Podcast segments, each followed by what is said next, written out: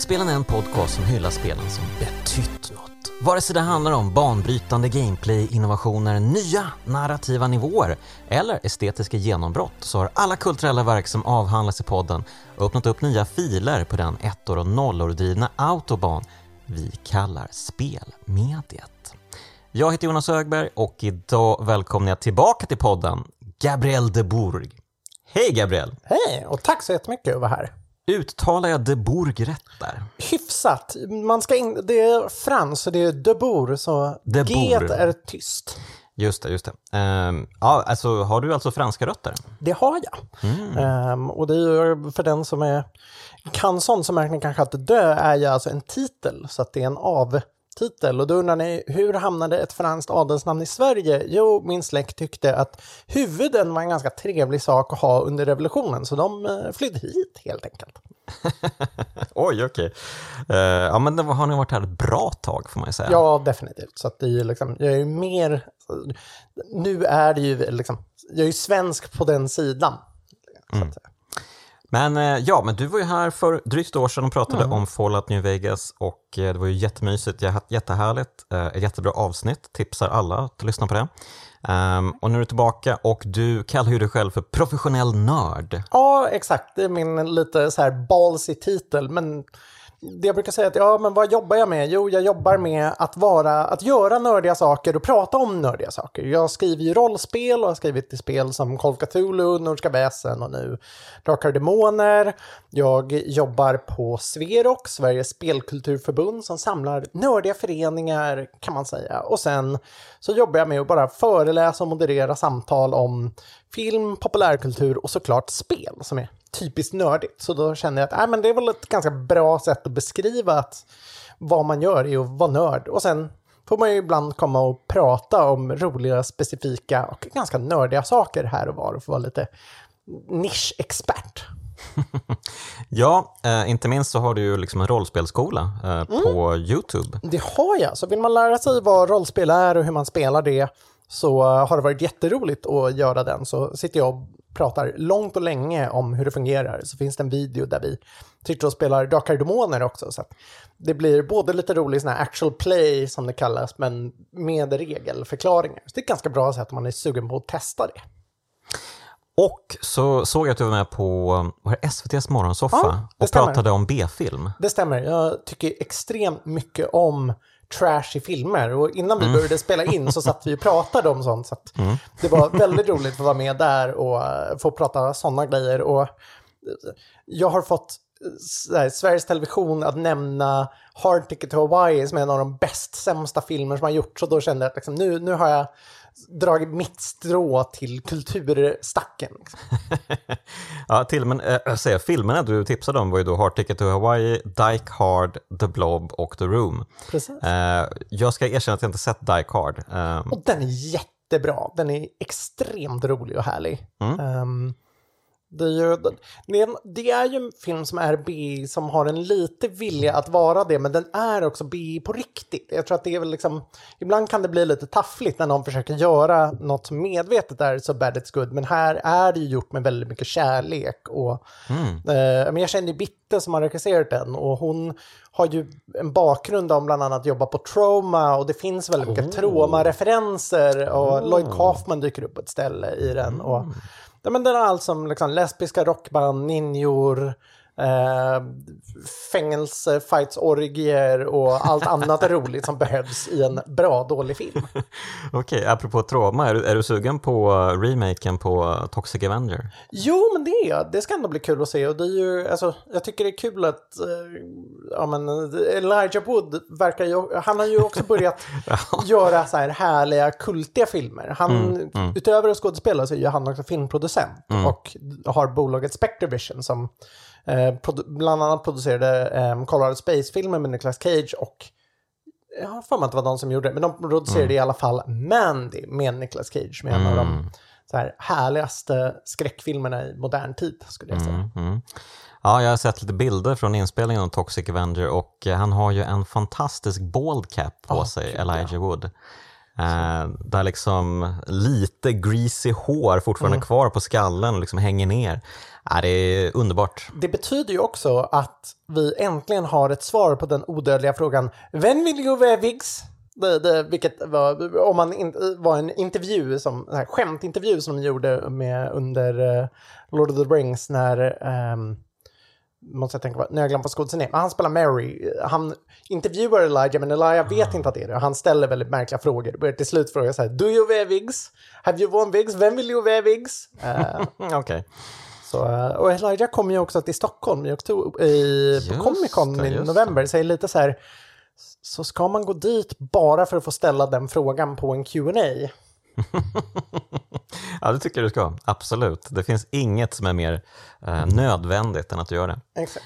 Men eh, yes, fantastiskt, jättekul. Och apropå film då, så ska vi prata om ett spel som är ja, dels väldigt filmiskt, men också det pratas extremt mycket film Ja, gud ja. i det här spelet. Ja, gud ja. Det, ju- och det var en av sakerna som när jag började spela det redan tilltalade mig. När det kom upp filmer som jag eh, då som 14-åring redan då hade sett av och var så här, "Åh, de pratar om den här, ja, åh, vad kul.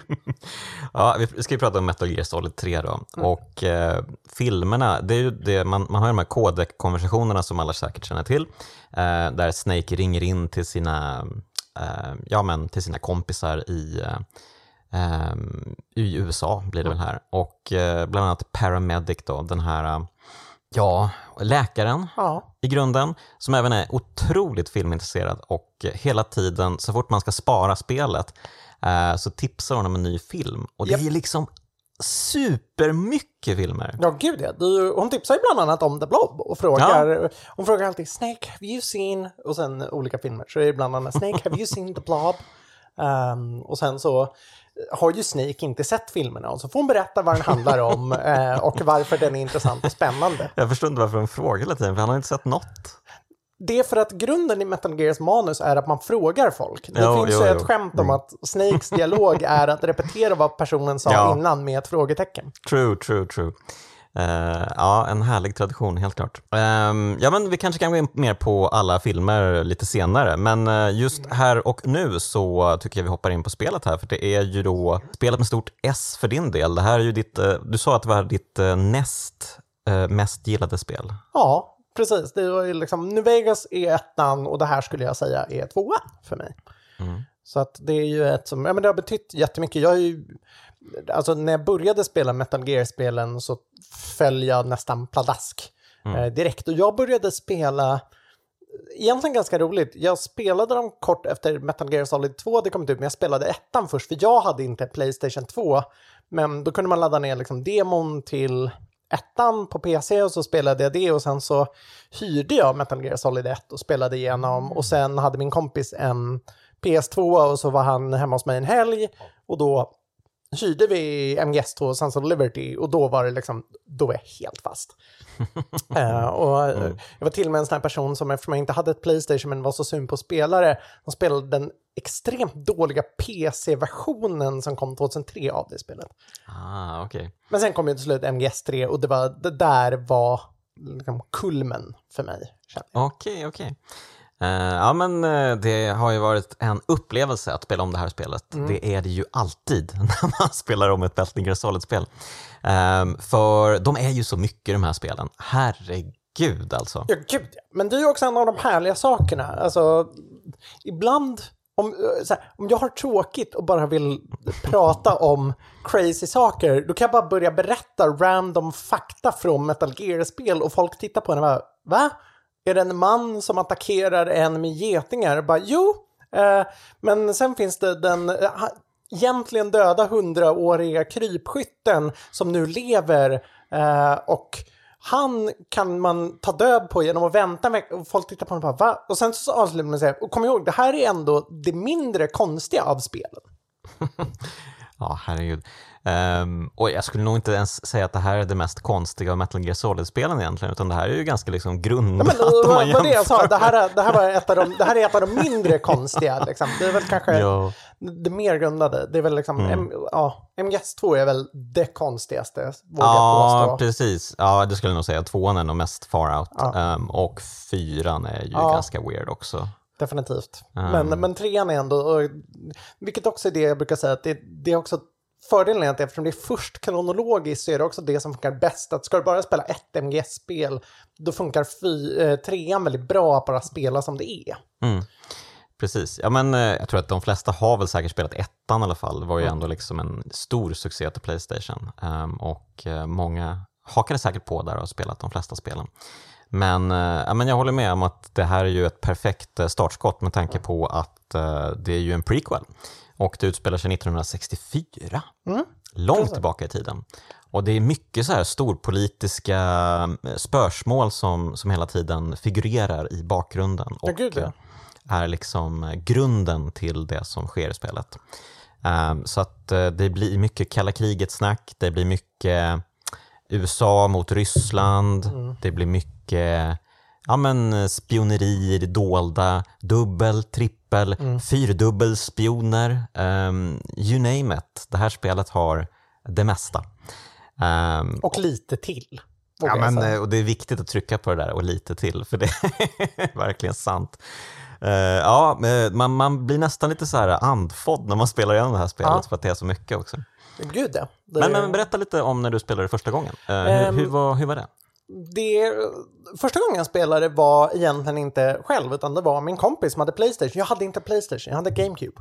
Uh, och det här Aha. var på den tiden när man så här, ja, men jag var, jag är född 90, så jag var ändå bara 14 när det här kom ut. Så att den konsol man hade var det man hade och då fick man liksom gå till en kompis och spela. Men då måste jag först fråga om du spelade Twin Snakes? Det gjorde jag. Jag spelade extremt mycket Twin Snakes. Mm. Uh, så att, uh, även om jag kan förstå kritiken folk har haft mot det så är det ett av dem jag har spelat mest. Så jag mm. har en, en väldigt god relation till Twin Snakes.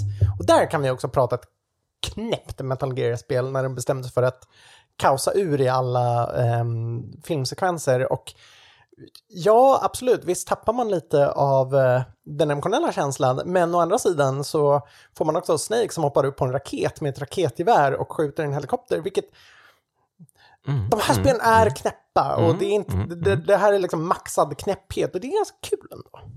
Men, ja. äh, men så mycket Twin. Men första gången jag spelade MGS3 var hos min kompis. Um, och Ja, men det var mycket sådana han spelade, jag fick spela lite, sån här typiskt man turas om, man tittar på när den andra spelar. Mm. Men sen, ett år senare, då köpte jag ett eh, Playstation, eller PS2, den här lilla slimmade versionen. Ah, som var på mm. rea. Liksom. Så mm, då fick jag mm. tag på ett sånt. Och ett av de första spelen jag då behövde köpa var um, Metal Gear Solid 3 Snake Hitter. Liksom, nu ska jag sitta och spela det helt för mig själv. Mm. Um, nu behöver jag inte vara beroende av när han spelar det att jag ska... Jag, jag fick låna med mig PS2 ett tag för att liksom spela igenom det, men nu mm. kan jag verkligen göra det i mitt egna tempo några gånger, ja, testa mm. mig fram. Um, och det spelade jag väldigt mycket och sen det här var 2005 och så året efter, då kom ju då specialversionen Subsistence där de uppdaterade kamerasystemet och det var också sån här, jag köpte den när det kom och den skivan gick hett i det, det Playstationet kan jag säga. Ja, det är ju en utmärkt specialutgåva för man får ju även Metal Gear 1 och 2 till MSG. Yep. Äh, MSX2 menar jag. Yep. Och sen så kom ju till och med, eh, då hade de ju också det första online-läget och allting. Det var jättemycket man fick med i den specialutgåvan. Mm. Och ja, det, det, är ju, det låter så lite att säga den hade ett nytt kamerasystem, men det var extremt stor skillnad. Mm. För att mm den originalversionen hade ju då liksom ett typ top-down system lite som mm. ettan och tvåan. Men här var det att man istället hade en modern roterbar kamera för att kunna se var man var och det gjorde skillnad. Helt plötsligt så mm.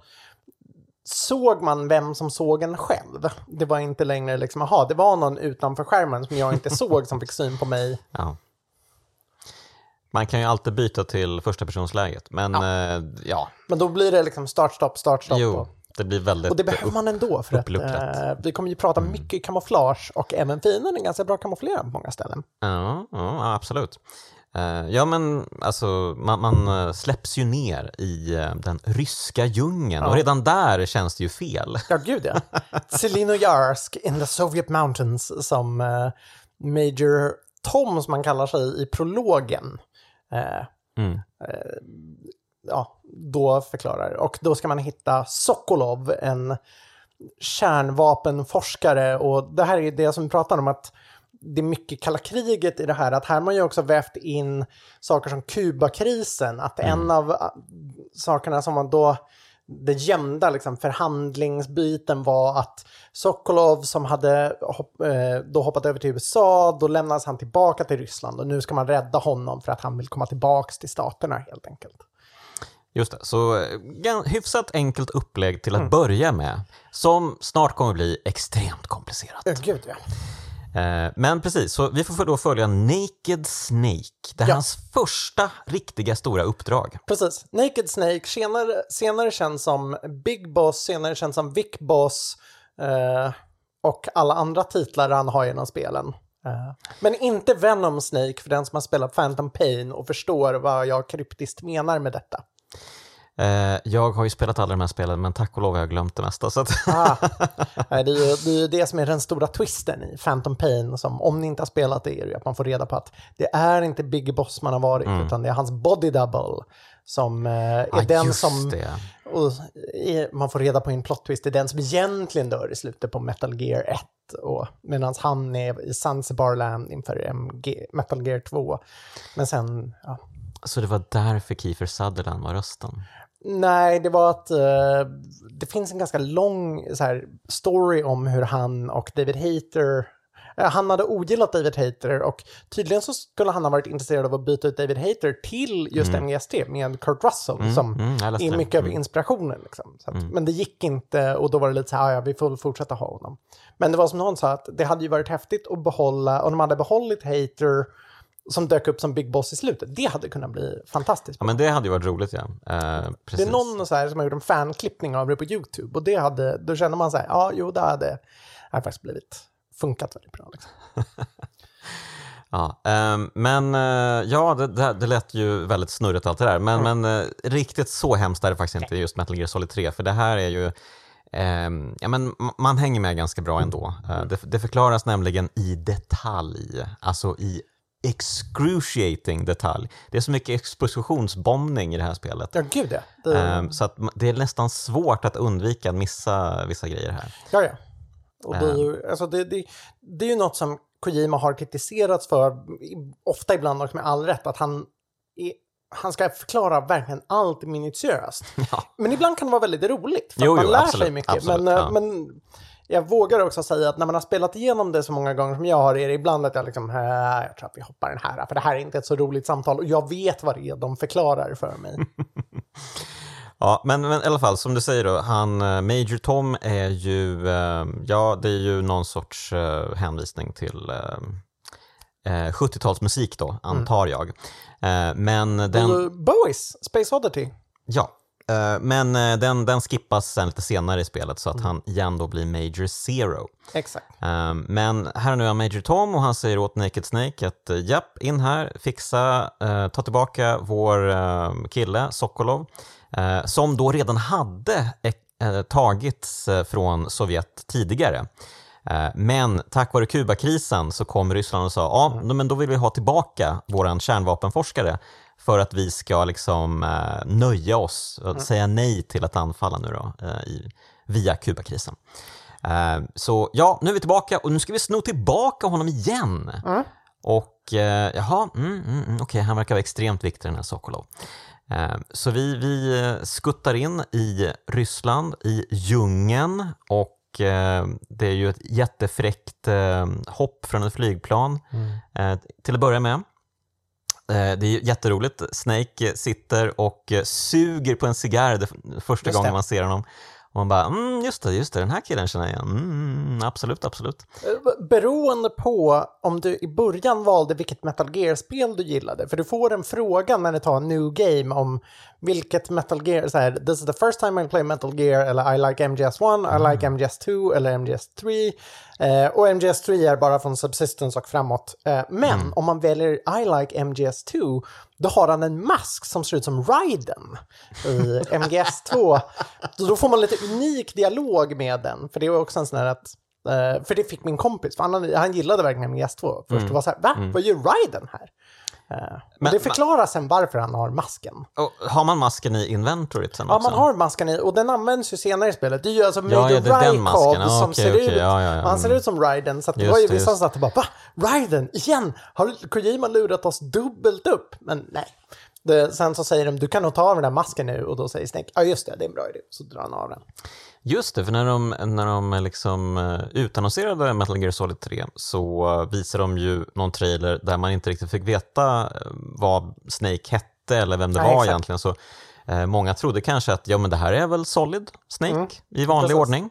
Men eh, nej, det här är Naked Snake. Exakt. Som är den som Solid sen klonas från. Men det, folk var mycket mer accepterande till Naked Snake, för han var ju ändå en Snake. Även om han är, han är mycket mer goofy än sin son, vilket är det jag gillar med honom också. Mm. Ja, men det är sant. Det är sant. Ehm, men eh, ja, vi, vi kastas ner i Ryssland och, eh, och här får vi bekanta oss med sp- spelsystemen. Eh, den här klassiska Metal Gear Solid-radarn är ju ersatt. Nu har man flera olika system man måste förhålla sig till. Eh, dels en rörelsedetektor och ett sonarsystem.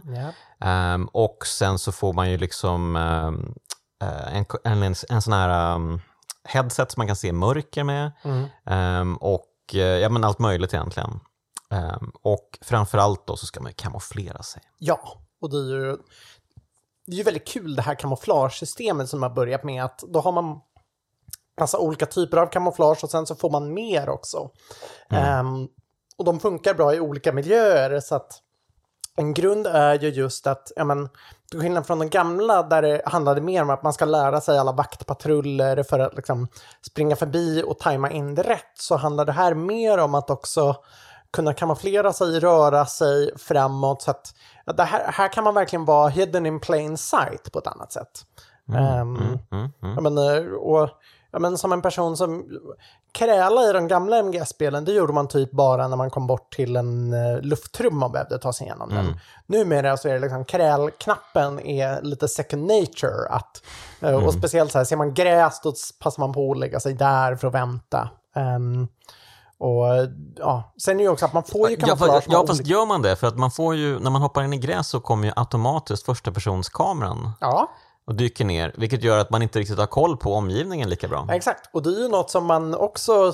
Det är ju det, är det man... Ja, det är det som jag tycker är kul i hur man balanserar systemen så att du har saker som ger lite information, som rörelsedetektorn, men den funkar bara om en vakt rör på sig. Du kan inte heller avgöra vad är en vakt och vad är ett djur. Vi kommer att prata mycket om djuren. Ehm, till exempel, eh, men det är som säger, gräs är bra för man är gömd, man, man har också första persons läge, men det är mycket den här att, ja, men då brukar jag vara en sån här, stanna, kräla fram i gräset och sen så kan man ju då om man håller in första personknappen och axelknapparna, då böjer sig Snake lite upp och då kan man liksom titta och speja och spana och se vad vakterna är och ehm, ja, från det ibland ta sig framåt och ja, skjuta av eh, med bedövningspistolen vid behov. Men det är ju den andra biten som också är värt att nämna är att nu är det så mycket saker som inte, som är mycket mer begränsade. Alltså som att ljuddämparna på pistolerna, de går sönder och rörelsedetektorn har, går på batteri och liknande. Så det är också något att man måste balansera när man vill använda det och inte. Eh, om man inte då valde I like MGS3 eller har spelat igenom spelet en gång tidigare om du spelar Snake Age-utgåvan. För då låser du upp lite roliga specialkammo som gör att du får oändligt batteri eller oändlig ljuddämpare och så. Vilket är skönt när man spelar om spelet, men jag brukar känna att det är lite för fuskigt vid liksom en första playthrough på något sätt. Ja, men det kan ju vara ganska klurigt det här spelet. Ja, Eh, definitivt. Man blir ju väldigt lätt eh, upptäckt om man är lite mm, oförsiktig. Ja.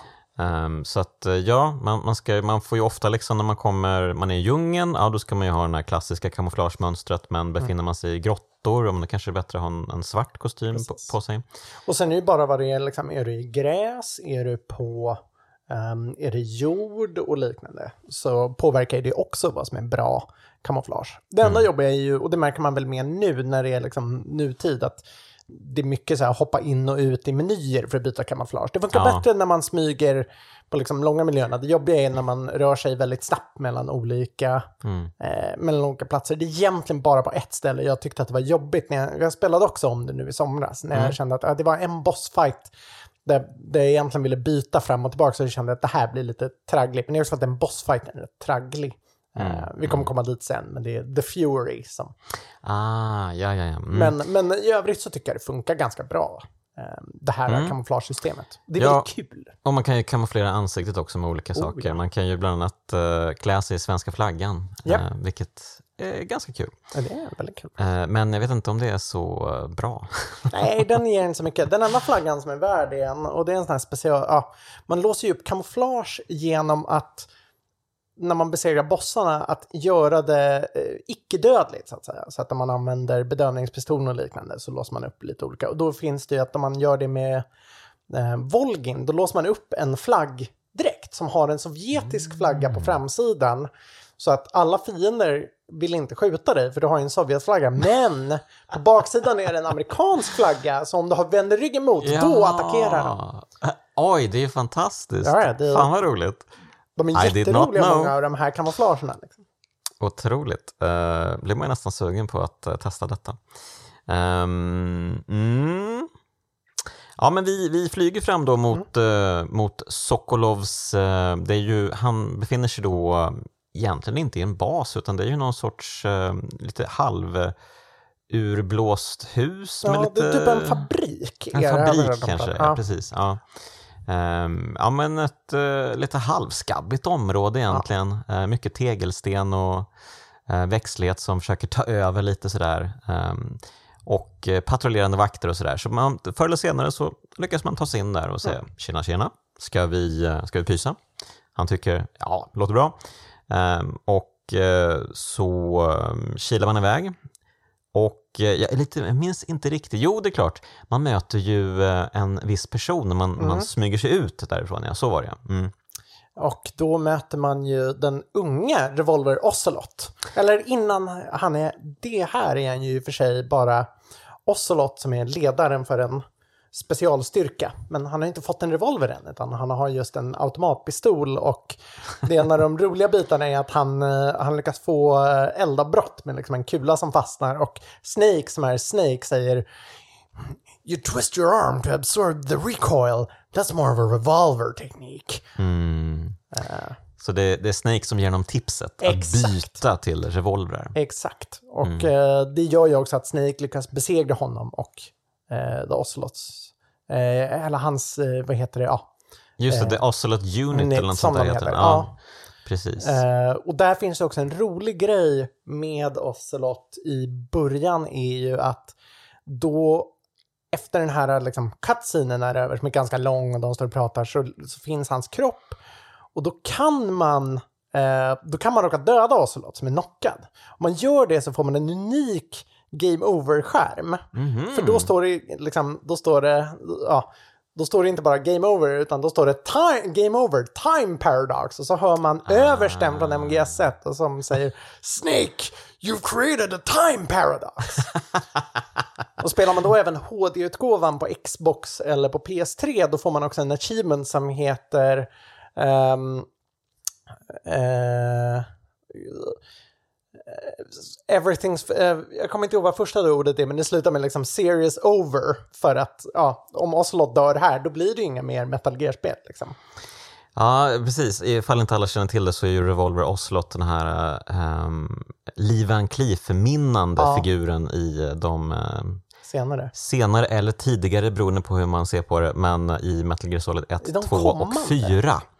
Um, så precis, är han med i femman ja, det är han. också? Ja, det är han. han är med i femman också. Det, det, ehm, där, där har han ju blivit, då är han ju en av liksom Snakes allierade som Mm, mm. finns på basen. Och det är ju kul för att de gör också en blinkning till MGS3 i femman när han står och instruerar en av Diamond Dogs-soldaterna. Det är mycket David Bowie-referenser i de här spelen. Eh, Jag älskar ju David Bowie, så I don't mind. Men, eh, Mm. eh, men då går just Ocelot fram till en soldat som skjuter och säger så här, ah, han säger, säger Snakes replik med att du absorberar rekylen med armen. Du borde Mm. fundera på att ha en revolver istället. Ah, okej. Ja, men eh, jag gillar ju verkligen eh, Revolver Ocelot. Ja, gud, han, är han är ju underbar. kanske min favoritkaraktär i hela Ja. spelserien. Ja, men han, är, Ehm. han är ju fantastisk här. Han är, liksom, han är ung och extremt flamboyant. Mm. Han har den här grejen med att han både har sin eh, liksom, handpose han gör.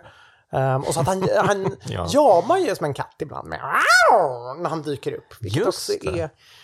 Det gör han inte sen. Nej, det gör han inte sen. Men, men det är också en sån här... Det här är ju totalt ologiskt, men jag är så glad att de har med de här sakerna. Att det är så, cam- så mycket campiness. Jag tycker att MGS3, Mm. då lyckas de verkligen få till camp väldigt, väldigt bra. Mm. Ja, men det kan jag verkligen hålla med om. De, de balanserar på en väldigt bra nivå här. Mm. Det går liksom inte, det blir inte helt bananas. Nej. men det är ganska bananas. Ja men exakt, och det, och det är kul att tänka på ibland att det här är ett spel som både är extremt larvigt men är en av de som har haft så här extremt stor emotionell påverkan att det kan bli, det blir väldigt sorgligt, speciellt på slutet. Mm, Ehm, mm. Så att det är väldigt roligt hur just den balansen. Mm. de Ja, men det, det finns faktiskt en känslomässig tyngd i det här spelet Ja, som inte riktigt finns i de andra skulle jag nog säga. Nej. Ehm, mm. Ja men eh, som sagt, mycket härligt och eh, det, det är kul att se honom som ung Ocelot. Ehm, han, ser ju, eh, han ser ju riktigt eh, cool ut faktiskt. Mm. Eh, han är ju bara 19 år här ska sägas. Ehm, så han är ju verkligen purung och ändå så har han liksom kommandot över en liten enhet här. Ehm, och eh, är väl eh, ja, men part of the top brass kan man väl säga av de här skurkarna.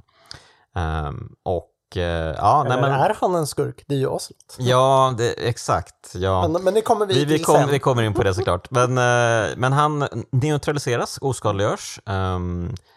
Eller ja, så får man game over. Ja, men, men ehm, vi, vi fortsätter spelet i alla fall och tar oss till den här um, bron. Mm. Och eh, här så blir det lite, eh, vad ska man säga, käppar i maskineriet för Ja. Snake, minst sagt. Precis. För här dyker ju The Boss upp. Mm.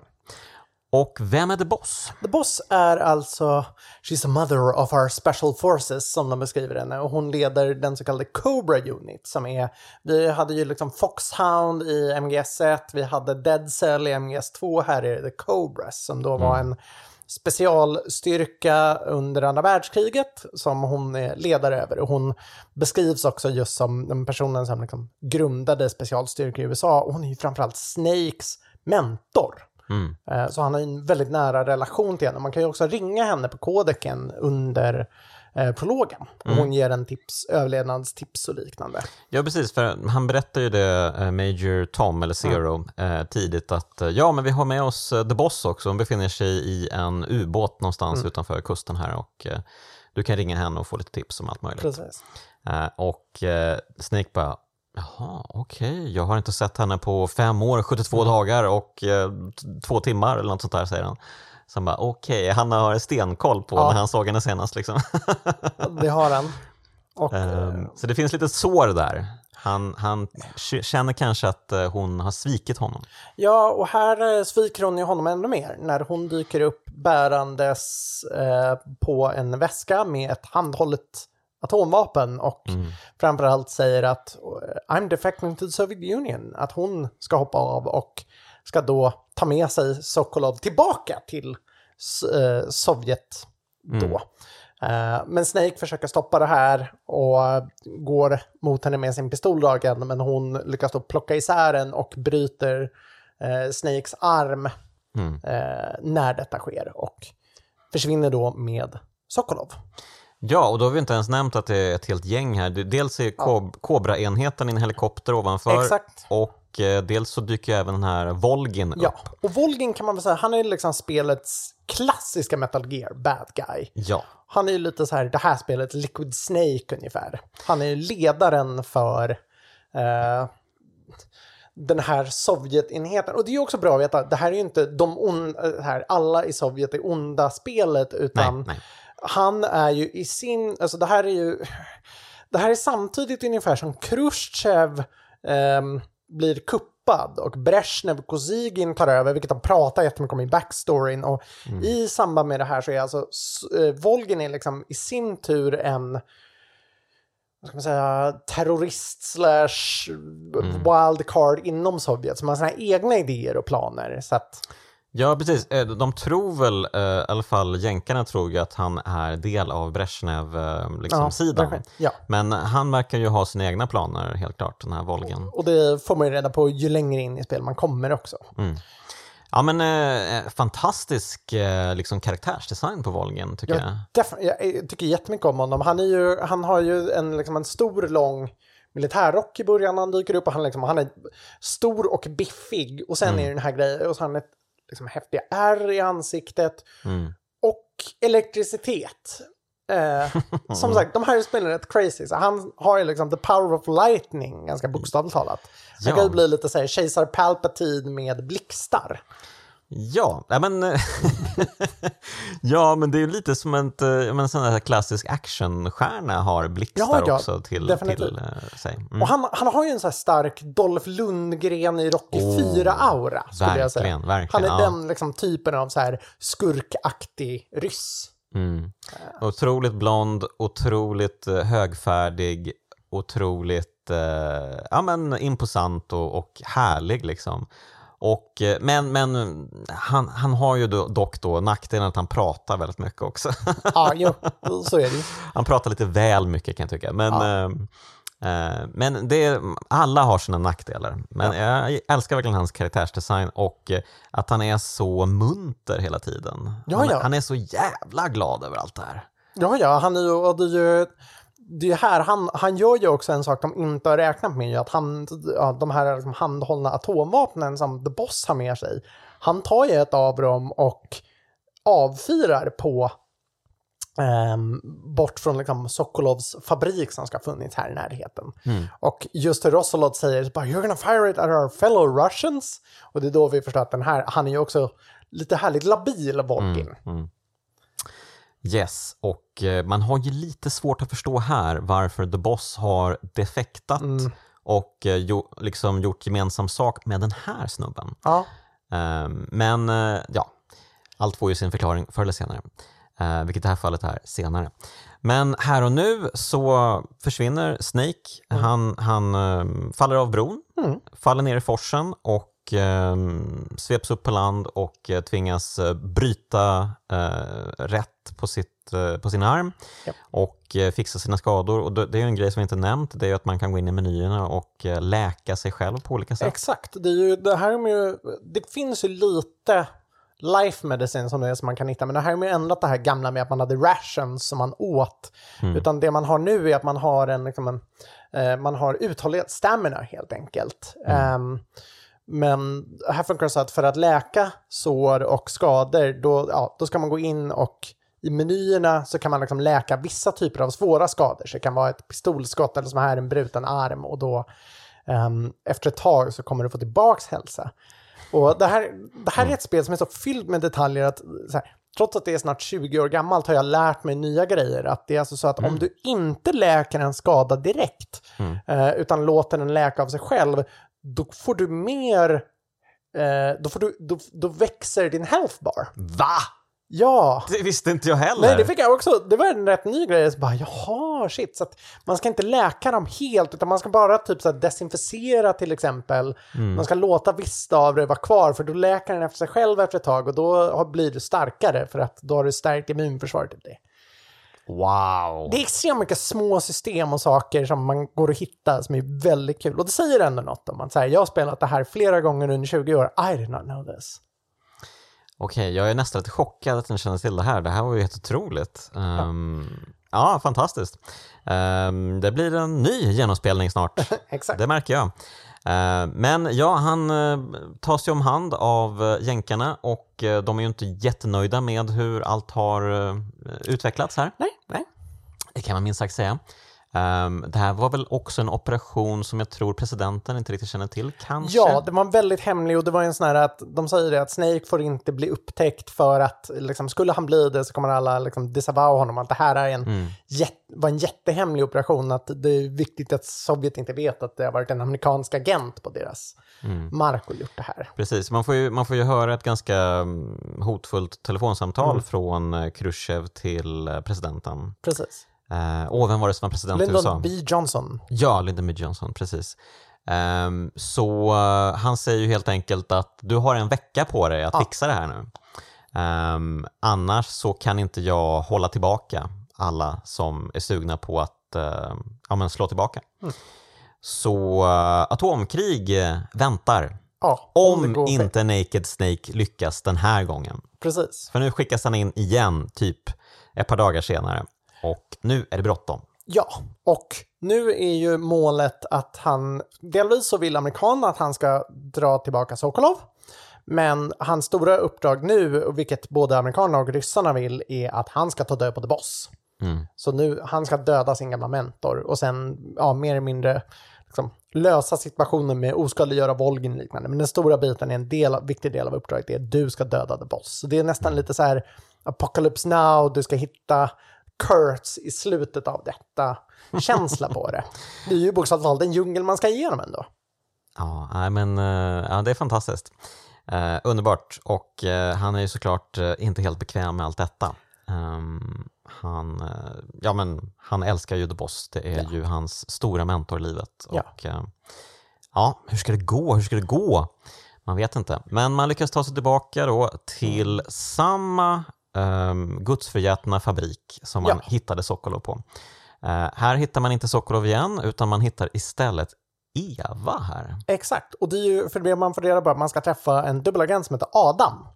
Och så kommer man dit, men då är det istället någon som är på motorcykel som väntar, som visar sig vara Eva. Och här är också en rolig blinkning till det som komma skall, att lösenordet som man ska säga är Who are the Patriots?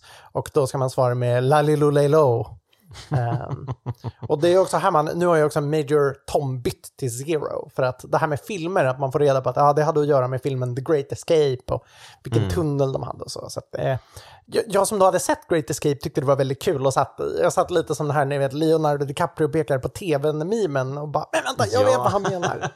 Ehm, men då det. träffar man Eva och Eva är ju då en, ja det man fått höra är att hon är en dubbelagent som ska hjälpa en. Mm. Eh, och en dubbelagent, eller i det här fallet någon typ trippelagent blir det för att Eva och Adam, alltså två, agen, eh, två eh, agent, amerikanska agenter som hoppade över till Sovjet, men nu ska hon hjälpa en genom detta. Eh, men det. Adam har inte dykt upp, men Eva är här. Men Eva är här och eh, man får ju, här får man ju en första försmak av hur märkligt det kan bli när man får tillgång till första personskameran i mellansekvenser. Ja, eh, för... om, ja. Eva arrives boobily skulle man väl kunna säga. Att hon Mm. dyker upp i sin eh, ja, overall som hon har på sig och så drar hon ner den och under den så har hon bara en bikini. Och Mm. Bokstavligt talat trycker upp bröstet mot den och då om man slår på första personskameran så ser man att det är det som Snake står och stirrar på. Mm. Och sen ser man senare när hon står och byter om, då kan man också få se hennes bikiniklädda bak. Mm. Eh, för det kommer upp en liten sån här, nu kan du trycka på första personskameran. Man får alltid en sån här liten prompt att Ja. man ska trycka på R1. Exakt, och då kan man göra det och då ser man att Snake sitter och stirrar. Och då blir man ju alltid nyfiken. Jaha, vad är det Snake vill kika på nu? Ja, ja, ja, ja, ja, ja, ja, ja, ja. Men, okej, okej. men Mm. Snake är ju inte så kåt på henne som det han får av henne. Nej. Och det är ju att man får ju då en Colt 1911 45 Automatic där Snake har en lång utläggning om hur fantastisk den här är och han går igenom alla modifikationer med som the, the, uh, the slide's been polished to a mirror sheen. Och, ja, han pratar långt och länge, han är extremt Ja, det där tycker den. jag är jätteintressant för att han framstår ju som liksom en eh, extrem liksom, eh, MÖP, alltså militärt överintresserad person. Liksom. Oh, ja. Ehm, så, som eh, typ inte har några andra intressen. Menar, han tittar ju uppenbarligen inte på film, det har vi redan konstaterat. Ehm, och eh, alltså egentligen Alltså, det, det är väldigt dubbelt där. Å ena sidan så är han ju uppenbarligen intresserad av henne för Ja. att han stirrar på hennes behag. Eh, Men å andra sidan så är ju hon extremt förförisk och är på Ja. honom jättemycket. Hon är som ett eh, klistermärke från första början. Ja, ja. Och, han blir liksom obekväm. ja, ja. Nej, men då, och det är ju något som är... Det är ju, Gud, ska vi börja gräva i det så får man ju nämligen reda på sen i spelet att han är ju steril för han var med under ett, eh, vad heter det, eh, kärnvapentest vid Bikini Atoll och det är ju också något som tydligen ska påverkat honom och hans in, känsla med liksom intima relationer och varför han har svårt att släppa folk nära. Så att, ehm, men och Eva är ju den här liksom, klassiska James Bond-stereotypen med den liksom, förföriska agenten från andra sidan. Och hon är ju verkligen, ja, och det är ju något som till en viss grad också har funnits i historien, det här med man pratar om liksom, the honey trap, att Matta Hari. ja, Mata Hari, hon är ju exakt den typen av karaktär. Ehm, Och Eva är väldigt spännande att spela om spelet i modern tid för att det är ju alltså... Det är ju, det är ju så sunkigt att det blir komiskt om man liksom säger att i, Ja. hennes personlighetsdrag är boobs till en viss grad.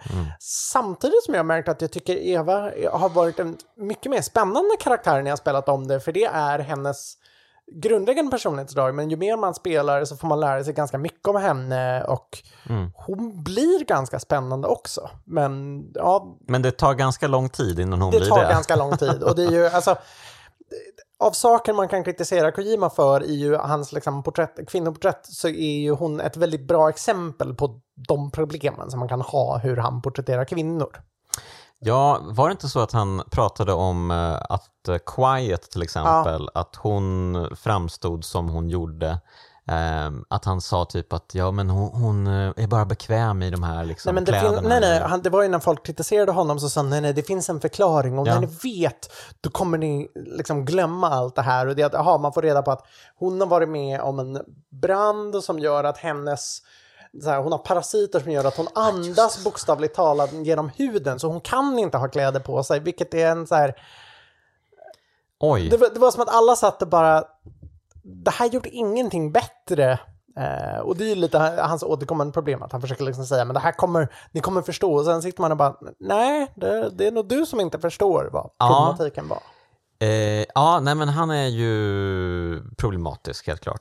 Eh, det får man ju säga. Eh, Med, med och vissa bitar, men samtidigt så är han...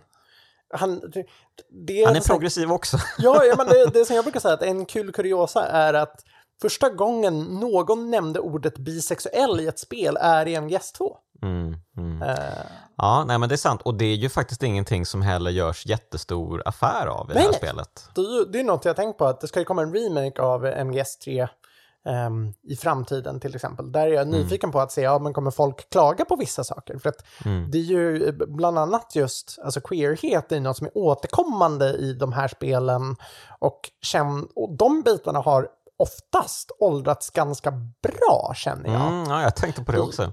Det är ju, och visst, det är ju att vi har saker som så här, The Depraved Bisexual Volgin som vi nämnde tidigare är ju bisexuell till exempel. Ja. Ehm, men de här spelen är ju överlag väldigt, lite så här, de är ju väldigt översexualiserade hos alla. Mm. Ehm, så jag brukar inte känna att det är liksom illa. Och, ja, det är ju också något man får reda på sen att eh, en av anledningarna till varför Ocelot han är i MGS4 var för att han älskade Big Boss. Han var liksom, han, han, det var hans livs stora kärlek. Mm. Eh, Och att han faktiskt kysser Snake i MGS4 och sånt. Så det är ju mycket saker som jag ändå känner har det har stått sig väldigt bra. Så det, det, Kojima är, är härligt, ja, han är liksom problematisk samtidigt som han har gjort väldigt mycket banbrytande saker. Så att han är, han är extremt intressant, Mm. måste jag säga. Ja men verkligen. Eh, Han, hans eh, tidigare spel, Police Notes och eh, vad heter det som börjar på S? Eh, Snatcher. Snatcher, precis.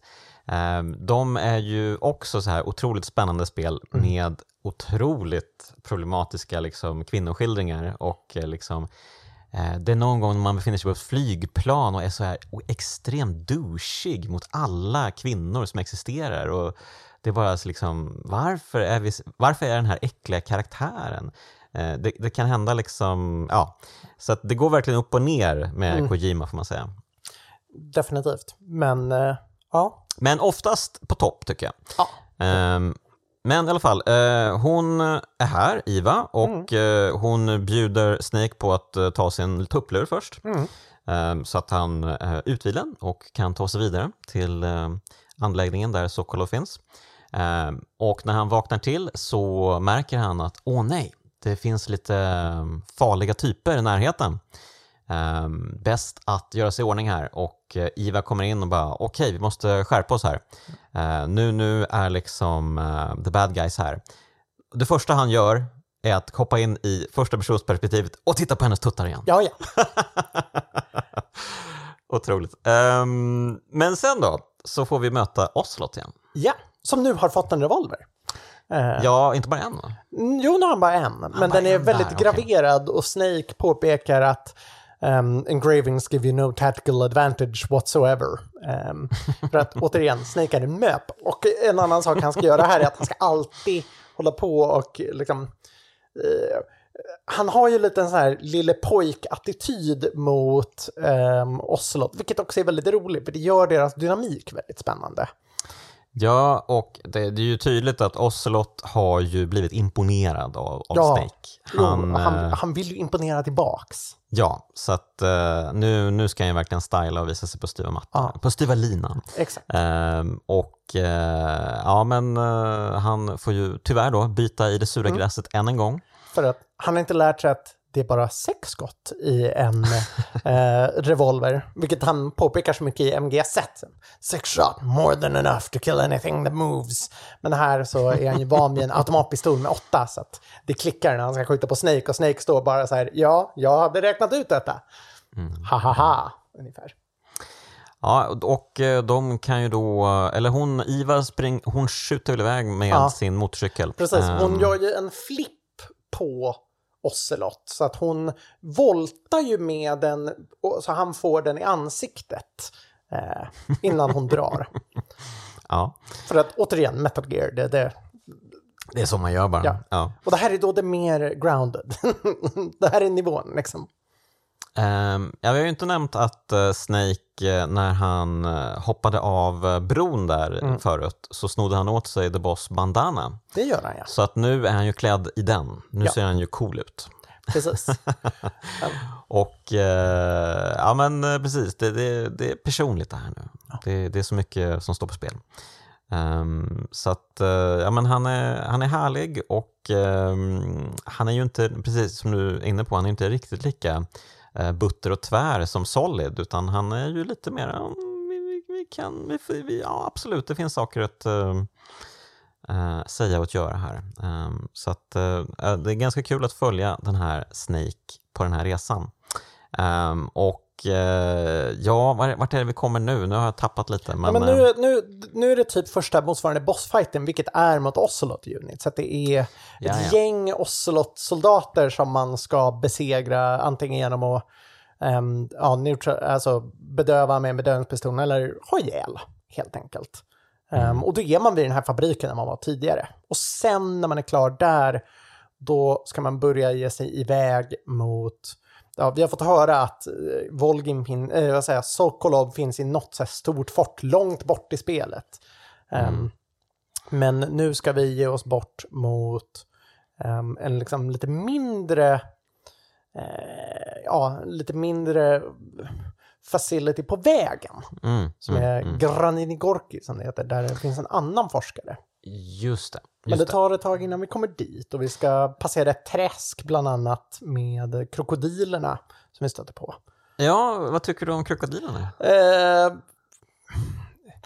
när man lär sig att ta sig förbi dem är de ganska lätta, men de kan vara extremt jobbiga. Det är mängden gånger som en krokodil har slagit till mig med sin svans så att jag har liksom landat på magen pladask. Det har hänt några gånger i det spelet. Om man, Om man säger så. Ja. Ja. Och sen lärde man sig så här när jag spelade mycket att liksom hur man kunde rulla för att inte behöva simma så mycket i leran och ja, kunna gena igenom olika platser. Um, Mm. Ja, vi har men, inte eh, heller pratat om djuren så mycket. Ja men eh, alltså det, det är proppfullt med djur överallt Mm. och det, det är krokodiler, det är fåglar, det är, eh, vad är det mer? Ja, det är väl kanske vissa som allt. Ormar! Det här heter ju trots allt Snake mycket. Eater. Och det är ju en annan viktig mekanik i det här spelet är att Snake blir ju hungrig, så man måste äta genom spelet. Och då har man olika saker att äta. Bland annat då ormar. Det är väldigt roligt när hans mage börjar kurra. Ja, och det är också en sån här detalj i spelet att magen som kurrar kan alltså få vakter att upptäcka dig. ja, mycket roligt, mycket roligt. Så att man måste hela tiden jaga och se till att Ja. man, man hela tiden har eh, gott om mat på sig. Ja. Och Maten kan ju ruttna också. Ja, maten kan ruttna och det kom, vi kommer ju prata om det när vi pratar om en boss så kan man utnyttja det till ens fördel. Ehm, Ja, okej. Mm. Men, så jag brukade alltid se till att i början passa på så här. Det är alltså så att maten ruttnar om det är något som är dött, alltså typ frukt eller ett djur som du dödar. Men om du bedövar ett djur då kommer det liksom vara levande vägen igenom. Så jag brukade alltid se till att ta med lite mat i början för att ha när man kommer bort till den bossfighten. Ehm, för att det kommer vara väldigt användbart. Det eller om man får ta på lite pilgiftsgrodor. Ehm, och det är när vi kommer till The Fear och det ska jag förklara varför. Eh, jag har Wow. spelat det här mycket, så man har lärt sig mycket taktik. Och på tiden när man hängde på nätforum, när folk hade upptäckt saker, man sa wow, det här måste jag testa. Ja, ja, härligt. Men, Eh, eh, men, men och, först och jag är ju väl... en person som tycker om ormar, det är också värt att nämna. Jag tycker ormar är en sån här djur jag tycker är spännande, så jag tycker också det är roligt att lyssna på paramedic, man pratar med dem, kan de berätta om de här djuren. Och då var det liksom, kommer jag ihåg när jag lyssnade, och, ja, alla olika typer av kobror som finns till exempel. Eh, Mm. Så det är kungskobra, ta- taiwanesisk kobra och liknande. Så. Okej, men eh, förr eller senare då så stötte man i alla fall på um, Ocelot igen, ganska Ja. snart va? Precis, och han är ju första riktiga bossen. Ja, precis. Så att han befinner sig liksom på andra sidan en klippskreva. Mm. Ehm, och så har man lite olika skydd som man springer emellan. Och eh, Nu har han dubbla revolvrar. nu har han dubbla revolver. Okej, han har lärt sig av sina misstag. Exakt. Ehm, och eh, ja men precis, så man ska försöka skjuta honom när alla la- laddar om eller så kan man ju pricka de här getingborna som Exakt. finns eh, i träden ovanför. Exakt, och det, här finns det också en rolig grej man kan göra för att han är ju lite cowboyaktig så att om man Mm. liksom tar ner sitt vapen och ställer sig framme då tror han att man vill utmana honom på duell. Nej, är det sant? Det jag Ja, så missat det är också, också. något man kan utnyttja eh, för då kommer han ställa sig och då om man är snabb så kan man lyckas få avna skott. Men om man är riktigt duktig och snabb så kan man utnyttja att om man har ett litet timingfönster när han är på väg att ställa sig och göra i ordning på duellen och då kan du lyckas pricka honom också. Mm. Fan, det är så mycket detaljer. Wow, jag är otroligt imponerad. Ehm, men den här fighten avbryts ju. Ja, Det av dyker, getingar. det, ja, jättemycket getingar. Ehm, precis, så det dyker ju upp en av den här Cobra Unit som Mm. kallar sig själv för The Pain. Exakt. Och grejen med The Pain är alltså att eh, han älskar getingar. Ja, the power of a beast. Nej, men han, eh, det är bokstavligt. Alla, alla i The Cobra har någon form av typ superkraft eller någonting som de kan.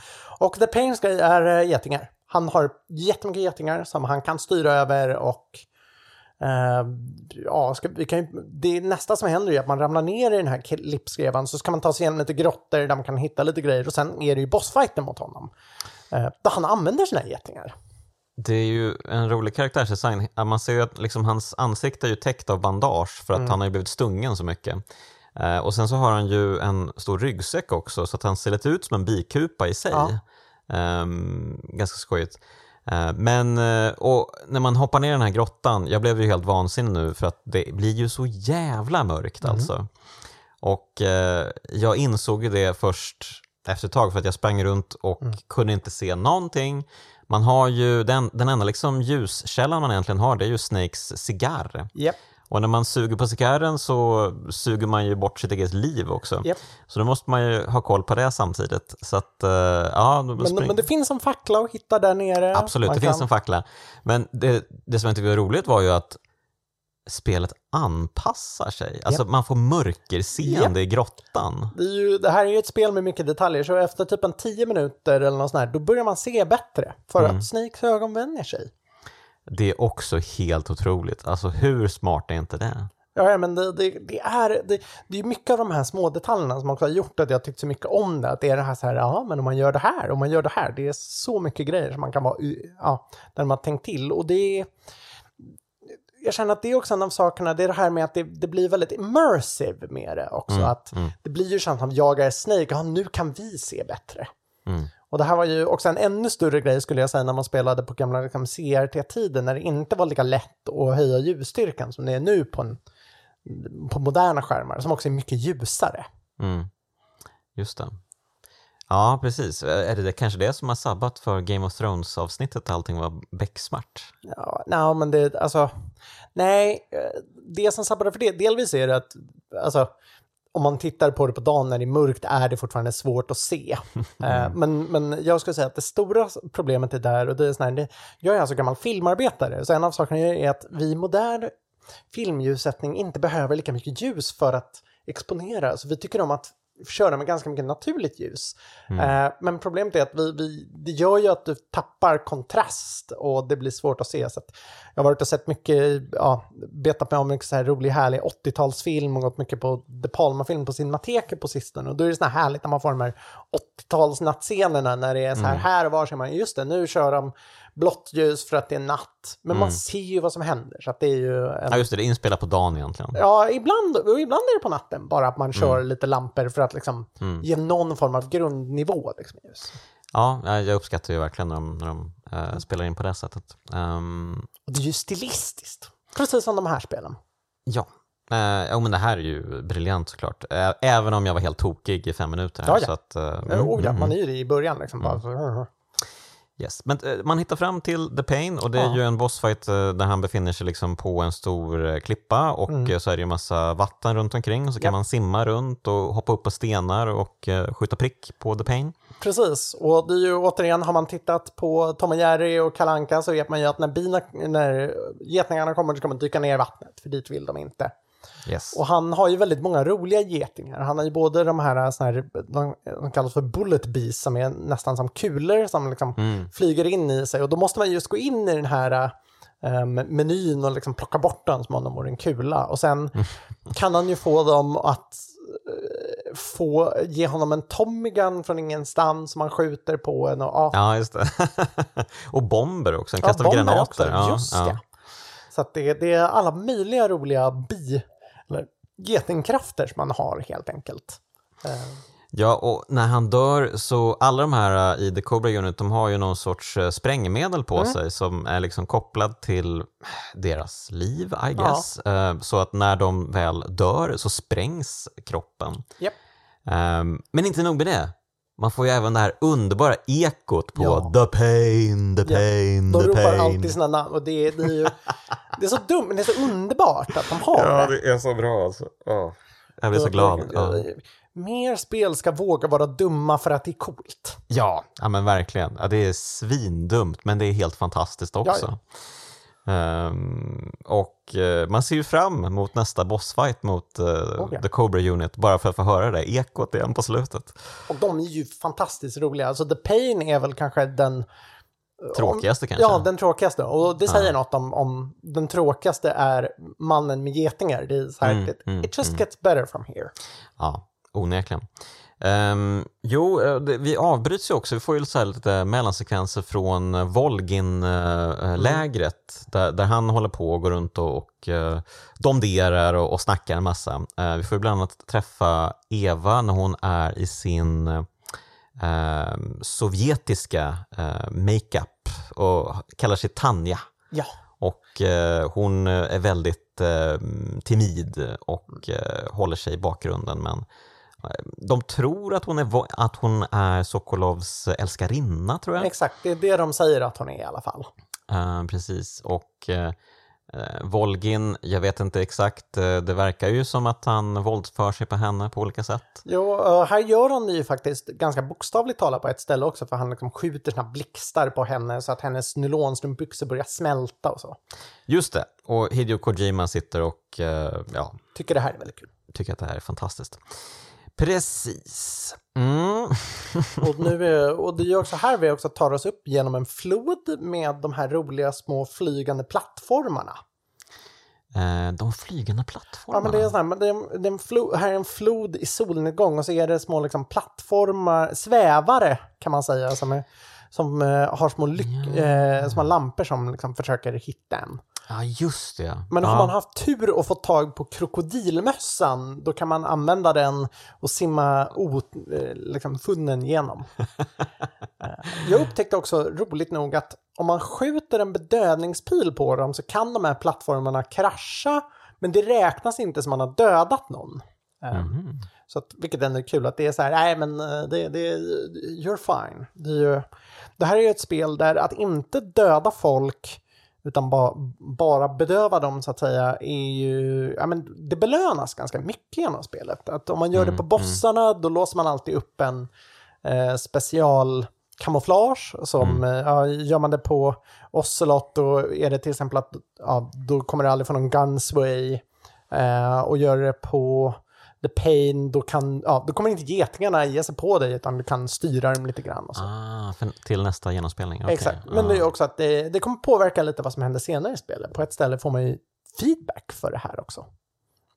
Intressant. Ja, eh, det märks att jag inte alls har lika bra koll på det här som eh, min gäst och eh, det känns ju helt underbart. Ehm, ja, men jag har skrivit ner en massa saker här. Jag har skrivit ner att Ocelot jonglerar tre pistoler Ja! och gör någon specialvariant av rysk roulette. Ja, det är ju för att han vill ju hota, hota eh, Sokolov. Så det han gör är att han tar en kula, lägger i en pistol och sen så jonglerar han dem Ah, och avfyrar dem Mm. lite successivt. Och det är då som Sokolov gör det som forskare i Metal Gear-spel måste göra, att kissa på sig av rädsla. Just det, klassikern. Ja, det måste ju göras av någon. Liksom. Eh, precis, så det, det, det är mycket det här att eh, skurkarna spänner sig Ja. eh, och är allmänt odrägliga. Eh, men det är härligt, absolut. Och vi, vi får ju lära känna The End, Mm. dyker upp Lite grann. lite grann. eh, och är man snabb? Så kan man ta död på honom här. Just det, men då måste man ju ha Ja, prickskyttgeväret. precis. Och det kan man hitta om man viker av på en liten flod så kan man hitta det. Mm, Okej, jag tror inte jag hade hittat det. Ehm, ja, precis. Ehm, och eh, det är ju roligt för jag kollade på Youtube när man gör det här, då sprängs ju hans, eh, för han sitter ju i rullstol då. Mm. Och då sprängs rullstolen och eh, ena hjulet träffar ju en rakt i huvudet om man, liksom, om man står still. Ja. riktigt, uh, riktigt slapstick-style. där. ja, fantastiskt ju. Ehm, ja men det är jättekul att man kan döda en boss bara sådär, långt innan man möter bossen också. Ja, gud ja. Och, ju, och om man gör det, då kommer man när man skulle möta The End möta, ehm, då möter man istället Oslots unit som patrullerar. Men The End vill man ju spela. Ja men det, det enda är ju typ eh, the boss fight i spelet. han är fantastiskt kul. Det är ju, det är ju väldigt roligt att uh, Hideo Kojima låter, ger en chansen att undvika den bästa bossfighten Ja. i spelet. Exakt. Jag skulle dock vilja säga att det, det krävs mycket för att göra det redan här. Det är mer en sån här typiskt bra genomspelningsgrej. Liksom. Mm, mm. Men det är roligt att de ändå ger en så många småval hur man kan eh, ta, sig, eh, ta sig fram helt enkelt.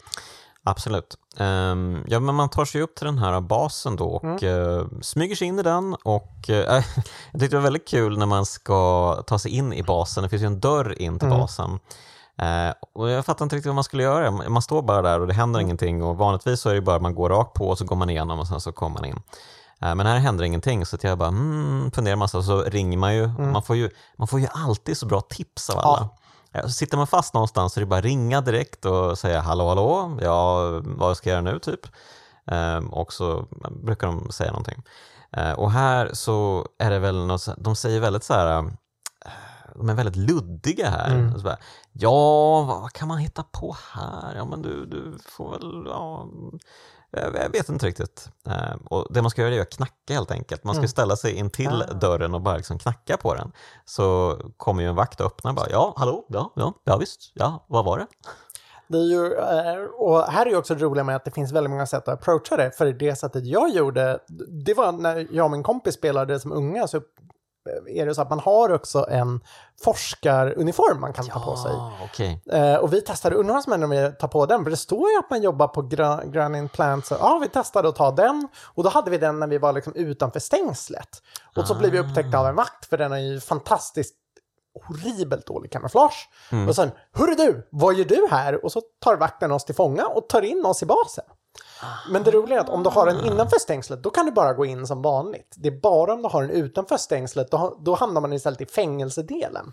Wow, Ja. okej. Ja, gud vad bra. Eh, men, och, eh, det fanns väl även nå- något ställe man kunde smyga in på andra Japp. sidan tror jag. Exakt, så man kan liksom kräla in också. Så det är, Det är ju fantastiskt. Det finns så otroligt många sätt att sköta liksom varje enskild liten uppgift på. det, det, här är ju, det här är ju lite det som, skulle jag säga, prototypen för det som Phantom Pain kommer bli med att göra ett liksom riktigt open world-spel. Här är ju lite som att man får liksom, små sandlådor vid varje del med hur du ska ta dig igenom problem. Det var ju också att man passerade innan här lite old school metal gear style en, eh, ett litet lager. Då får man ju också ett av ställena där man kan Just få sin första låda.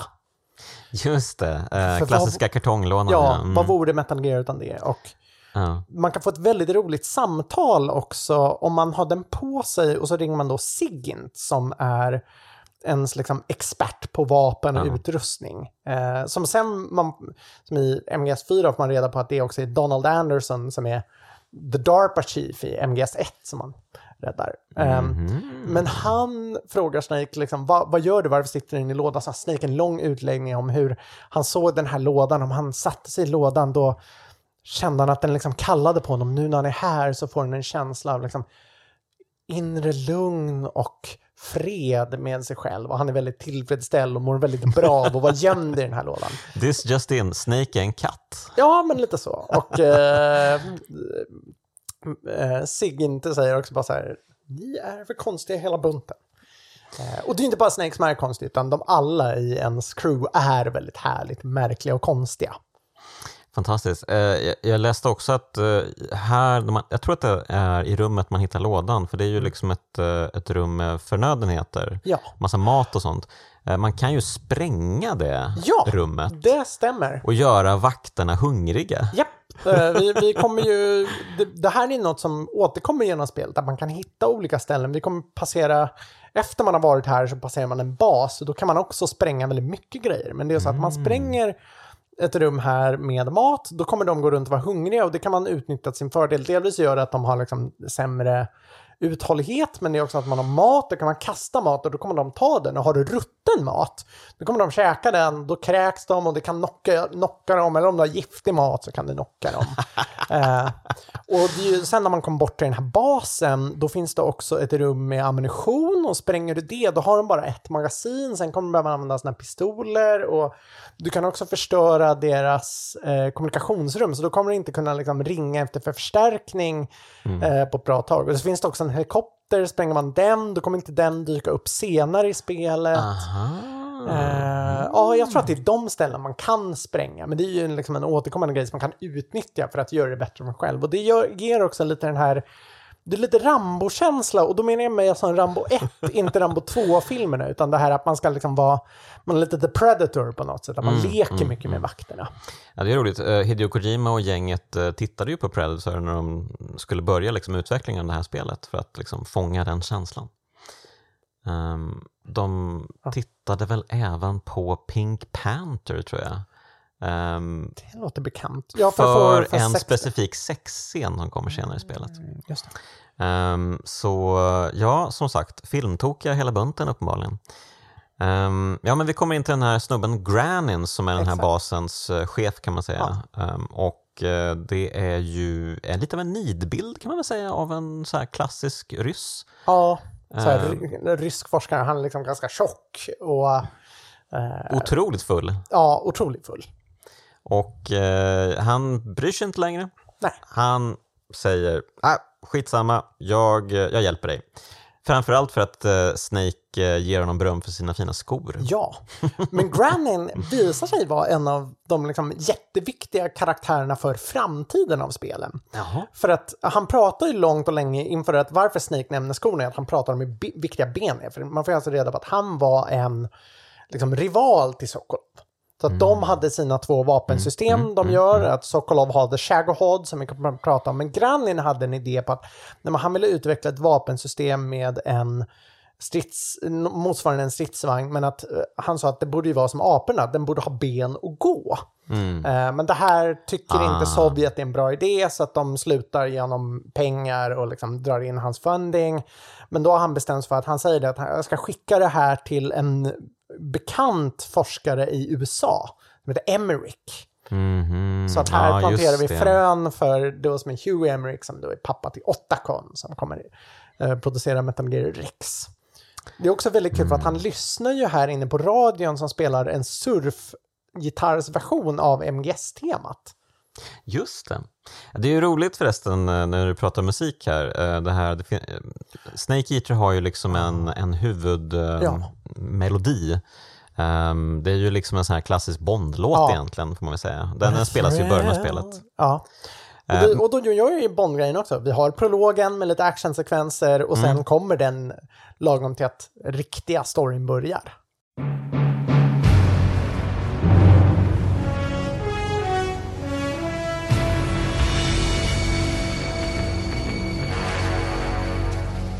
What a thrill with darkness and silence through the night. What a thrill. I'm searching and I'll melt into you. What a fear in my heart but you're so supreme.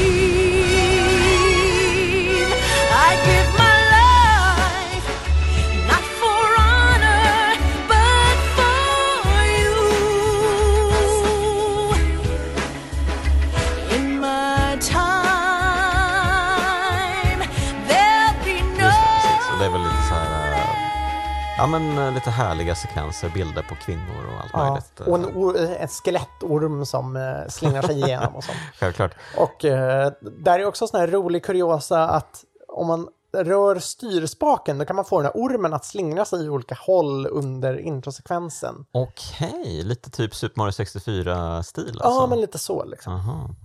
Mm. Ja, men eh, det är ju roligt att de återanvänder den här låten eh, på eh, roliga tillfällen. Det finns Mm. ju ett tillfälle man klättrar upp för en stege Japp. i en oändlighet. Ja, gud ja. Man och så börjar ju låten upp spelas. hela låten, en a cappella-version av låten. Och det är ju, men det är en sån här sekvens som har blivit så känd för att alltså delvis är det lite som någon sa att det, det är liksom ett andrum. Det kommer efter en jobbig bossfight, Mm. eller många jobbiga bossfighter inför att vi ska liksom vidare till nästa del av spelet. Men det här har ju också blivit en så stor meme att Mm. när folk klättrar på spe- stegar i andra spel, då brukar folk liksom spela eh, Snake Eater-låten. För det här är liksom klättra steg-låten. Och det är sån här man kan se att, men det vet jag om det är Dark Souls eller Elden Ring, att Mm. folk brukar skriva bara “What a thrill” som är de första, den första frasen i låten Ah. vid stegar. Och Jättekul. tittar man på kommentarer på YouTube så, så handlar ungefär hälften av dem bara om stegar. Mm. Ehm, för det är en sån, ja, det är en eh, sekvens som etsas in. Men den är också väldigt bra, det kände jag när jag spelade om. Att så Mm. här, För mig kände jag att så här, gud, det här, är, det här är nästan lite, det här är lite vågat. Att vi har en sekvens där inget händer, där vi bara på något sätt får tid att reflektera och andas ut och tänka och känna vad vi har känt. Mm, mm. Eh, utan att något ska sägas. Och det, Ja, men det där är han jävligt bra på, Hideo Ja. Kojima. Det, det, det är väl också i, i ettan när man springer i någon jävla trappa Ja. jättelänge. Jo, Ehm. precis. Men då, man, ja, eller då, då, då kan man ju ändå bli jagad av folk och då kan, finns det Ja, ju de absolut, här äh, absolut.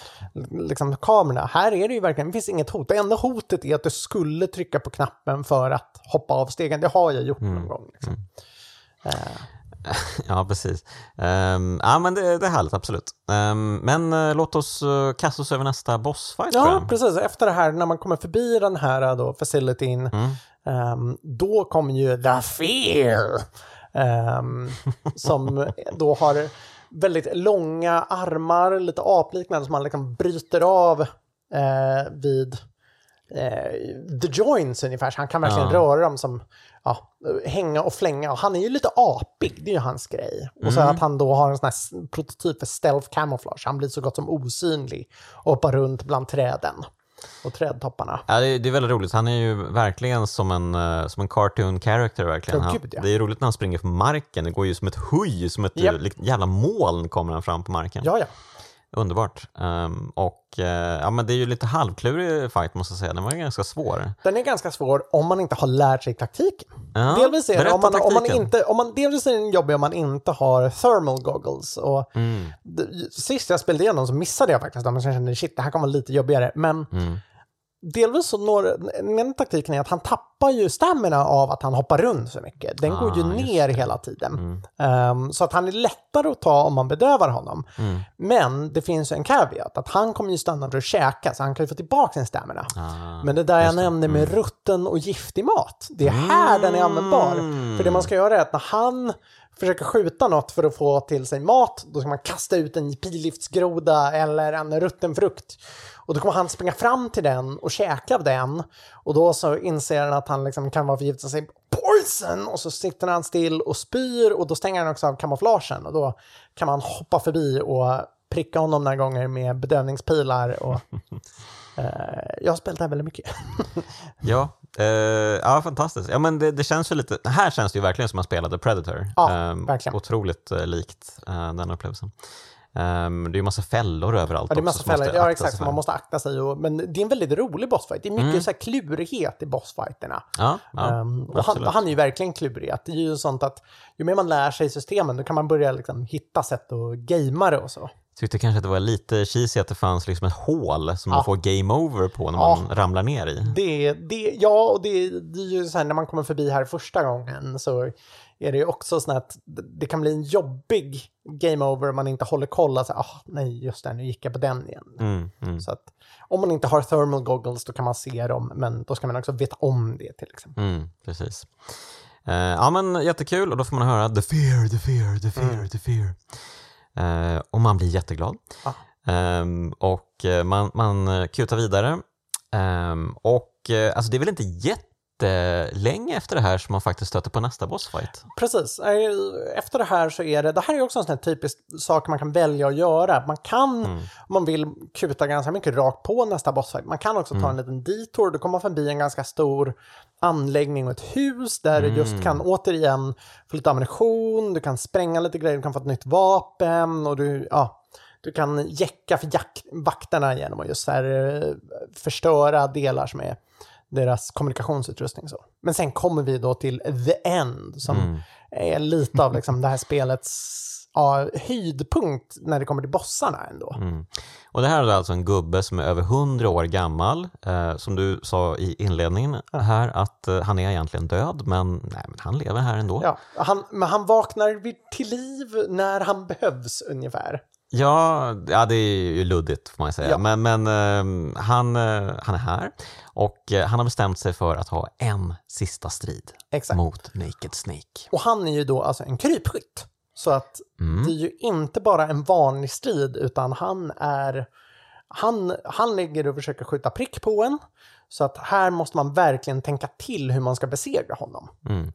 Och det är ju roligt att det här är alltså tre olika områden Ja. man springer mellan. Precis. Ehm, hade det varit i modern tid så hade det varit ett stort område, men här krävs det alltså att man springer mellan laddningsskärmar Japp. in i nya områden. Så det är ju en jättestor bossarena egentligen. Ja, ja. Och det, det är så här, de andra MGS-bossarena tidigare, de har alltid varit ganska liksom, små och tajta. Det kändes som en sån ny grej att jaha, kan han ta vidare någon annanstans? Det visste man liksom inte kunde gå på något sätt. Så det, det är ju jättekul, så man ska ju kamouflera sig väl, eh, smyga omkring, eh, man ska kika efter hans eh, blänket från hans eh, kikarsikte. Eh, aha, där borta är han, jag har koll på honom, då kanske jag kan sikta in mig på honom, eller ännu bättre, smyga mig på honom bakifrån och attackera. Exakt. Om man gör det och liksom håller pistolen mot honom så att han räcker upp händerna, eh, kommer inte ihåg om det räcker med en gång eller om det är flera, då får man också hans specialkamouflage som är mossa. Och det är ju det man lite får reda på att han, varför han lever i att om du, ligger, om du har den på dig och lägger dig i solljus, då får du tillbaks stamina av det. Aha. Så det är också något han kan göra. Han är också en av dem som kan liksom få tillbaks det under stridens gång, så då måste man tänka till. Man kan också utnyttja att han har ju en papegoja som fungerar som Mm, hans spotter, så att om man använder den här eh, direktionella mikrofonen, då kan man liksom pricka in och så kan man höra den papegojan ligga och prata, då kan man hitta vad han är. Så kan man utnyttja sina värmeglasögon för att hitta spår i marken, hur han har gått, och ibland få syn på honom. Men det viktiga är ju att man alltid håller sig gömd och kamouflerad, för han är ju duktig på att skjuta en. Mm. Och det är också spännande för han skjuter den ju inte med eh, skott, utan han skjuter den också med bedövningspilar. Så man måste passa på att plocka dem så att man inte tappar all stamina. Just det, just det. Ja, det är ju roligt att man kan sk- skjuta papegojan Mm. så att dels eh, så att den dör, Mm. då blir han jättearg Ja, eh, och då, det ska man passa sig för för då blir han extremt eh, svår. Eh, men man kan ju även skjuta papegojan med en bedövningspil, plocka på sig papegojan och sen liksom skicka iväg papegojan så att, man kan, så att den åker tillbaka till platsen där det än befinner sig exakt. och helt enkelt bara följa efter och eh, ja, anfalla. Um, jätte, jättekul. Och sen så finns det ju de här eh, så här, den här fighten är ju jättekul, den är ju långt utdragen, den kan hålla på i, liksom i timtal, Mm. eh, speciellt säkert på högre svårighetsgrader. Eh, men så finns det ju de här, det finns ju så många konstiga varianter man kan göra med det här också, med tiden framförallt. Och det här känns ju något som är liksom väldigt häftigt då. Det var alltså så att om man, eftersom DN är ju jättegammal, så om man sparar spelet, och då säger också Paramedic till, jag tror inte det är en bra idé att spara spelet Snake, för att om man stänger av spelet, och det är något de säger att om du sparar spelet och stänger av, då kommer Snake att lägga sig, förklarar de in i, i in universe så att säga. Så att då kommer man alltid ha tillbaka allt liv och så, för att man har ju sovit en natt. Men om man gör det här, då får man en specialsekvens där det ändå smyger upp på en och skjuter en med en bedövningspil och så vaknar man upp i fängelset där man var innan. Men om du väntar en vecka, då vaknar eh, Snake och då märker man att det har gått så lång tid att då har en dött av ålder. Ja, ja, det är fantastiskt. Och jag minns att, att eh, det var nog det här jag gjorde första gången jag träffade den, för att jag hade hört talas om det här ehm, på förhand. Ehm, så att jag testade det här och det var jättekul. Då kunde man ju bara liksom dra fram klockan på, på sitt Playstation egentligen. Eh, så det var ju buslätt. Men eh, det är ju mycket roligare att ha fighten egentligen. Ja, den är ju Det- väldigt kul. Den är väldigt, väldigt rolig. Ehm, Det finns också en YouTuber jag tittar ganska mycket på som gör lite så här roliga challenge-videos. Och han gjorde en, kan jag klara igenom hela Metal Gear-serien innan The End dör? Så han spelar liksom serie fram till The End, då slutar den, så ska han spela igenom hela Metal Gear-sagan från liksom Metal Gear 1, 2, Metal Gear Solid, Metal Gear Solid 2, Metal Gear Solid 3, Metal Gear Solid 4, femman. Och så passar han på att spela igenom Rising. ska, ska han spela igenom trean också? Ja, för han ska spela igenom hela trean på en separat sparfil innan det än hinner dö. Ehm, Okej. Och det är ju liksom, det är ganska kul att följa, men det är också en, en ja, den är ju typ en fyra timmar lång video som blir lite mer som en, liksom en genomgång av hela serien. Och han är ju också en som har tyckt jättemycket om den här, så att den är, den är en väldigt rolig summering om vad de är och det är också en ganska bra sätt att förstå lite varför många av oss dras till de spelen. Mm. Eh, Nurbit heter den. Kul! Ja, men det var ju ett väldigt roligt koncept. Jag antar att han lyckas. Han lyckas. Det gör han faktiskt. Men det är väldigt spännande och han, liksom, han avslutar alltid med att säga vad klockan är. Han säger nu är klockan halv fyra, nu har jag klarat det här, nu ska jag ge mig in de andra. och Liksom, det, av det så är väl nästan hälften eller en tredjedel av tiden bara Metal Gear Solid 5, för det är så extremt långt. Okej, men eh, ja, ja. Eh, Fantastiskt. Ja, jag får kika på det också känner jag. Ehm, ja, men eh, man lyckas ju neutralisera eller döda The End och eh, det slutar ju som det alltid gör med The End, The End, The End, The End.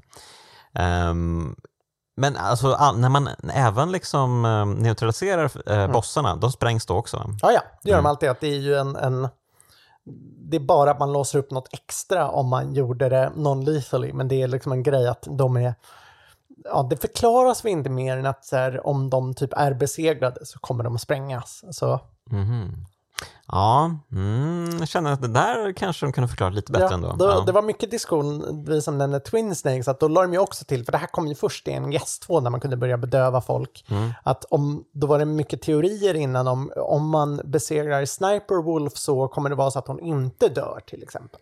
Men det gör den ändå. Mm, mm, mm. Så, Ja, ja, det, man, man kan inte få allt här i världen. Det hade ju varit kul om man kunde få det att fortsätta leva. ja, jo. Men eh, nu, nu återgår han till sitt döda stadium men nu med bonusen att ha sprängts. Just det, det är väldigt svårt att återkomma från det kanske, men ja. Eh, man vet aldrig. Och Ehm, bedövar man honom får man också hans gevär. ah, Som är ett bedövningsgevär, eller liksom gevär som skjuter bedövningspilar. Och det kan vara ganska praktiskt senare i spelet. Mm. Ehm, ja, och sen kommer vi till stegen då. Och Mm. eh, det här, Eller först ska vi ju... Jo, precis, det är stegen nu ja. Ja, precis. Och ja, som vi varit inne på, ett monotont men jättehärligt eh, ögonblick i Ja. spelet. Gud ja. Och har man ju spelat igen, det kan ha tagit timmar långt, så är det verkligen skönt att här, åh, få andas ut lite. Yes. Ehm, ja, och, och sen så kommer vi upp till bergen. Japp. Och här kan ju då komma helikoptrar, men jag antar att man Men, kan eh, undvika... Eller det kommer två helikoptrar, men sprängde du den ena då kommer det bara en helikopter dyka upp. Då dyker de här små svävarplattformarna upp istället. Ah, okej, okej. Och Mm. där är ju också här detaljer i det här spelet att eftersom du är uppe i bergen är luften tunnare så att du tappar stamina mycket snabbare. Mm. Ehm, Så att då kan det vara väldigt effektivt att använda den här uh, kammon man fick från Ocelot som har bra kammo här så att då kan man sikta extra bra. Och nu är ju eh, det är en snipergevär ganska användbart för du är i bergen, det är ganska långa avstånd.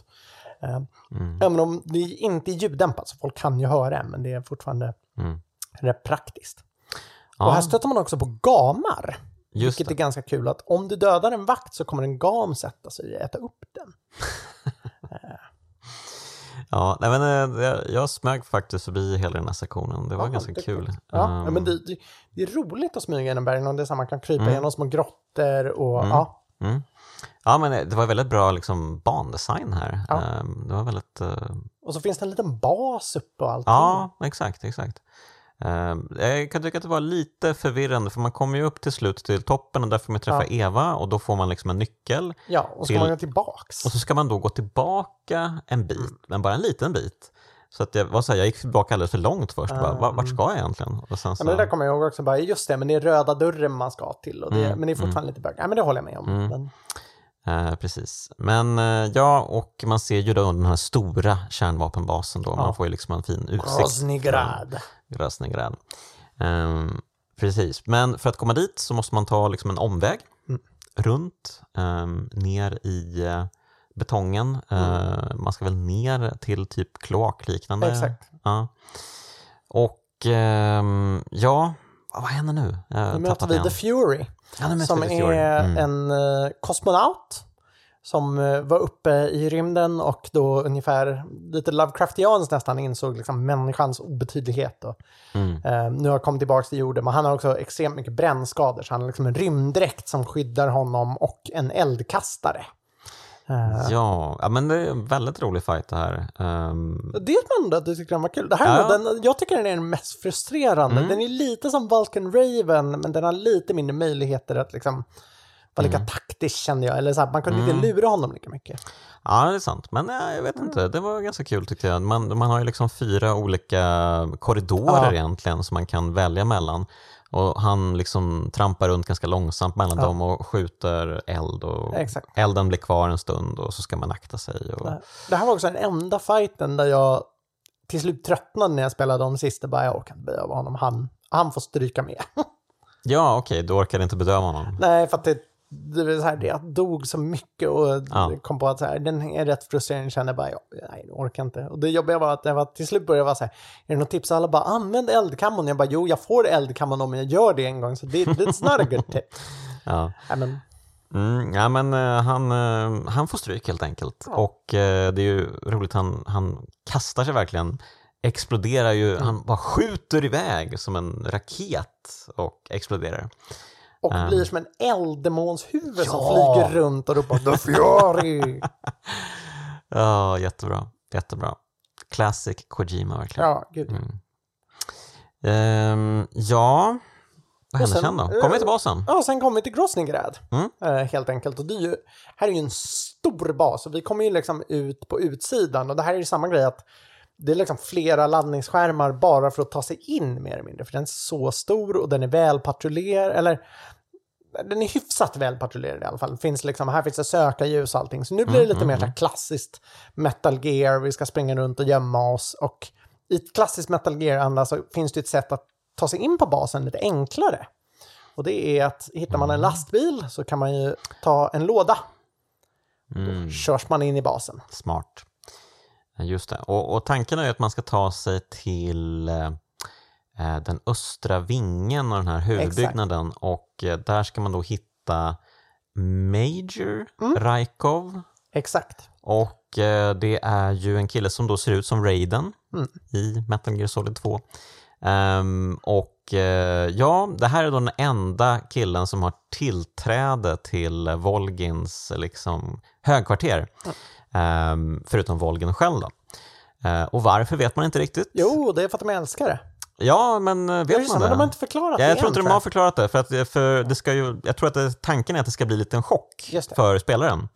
Eh, så att nej, det har man inte koll på här. Eh, förutom att eh, mm, ja, han kanske verkar lite speciell. Förut, ja, kanske inte den här klassiska liksom, ryska soldaten direkt. Ehm, men eh, ja, man ska ju då neutralisera uh, Rajkov, norpa hans eh, uniform, iklä sig sin lilla Raiden-mask Mm. och eh, helt enkelt eh, gå iväg Ja. till Volgins eh, sida av basen. Och då, när man kommer in där så stöter man ganska snabbt på Volgin. Ja, och precis. Och det här kommer ju då lite chocken för man, man ställer sig i vakt och man bara, jaha, hallå, tjena, tjena. Och eh, Volgen går fram och klämmer tag i paketet omedelbart. Ehm, och eh, Snake är väl inte helt bekväm med det här så att han eh, tackar för sig helt enkelt, backar ett steg. Vilket gör Volgen väldigt misstänksam. Och han ropar ju då så här, eh, ja men...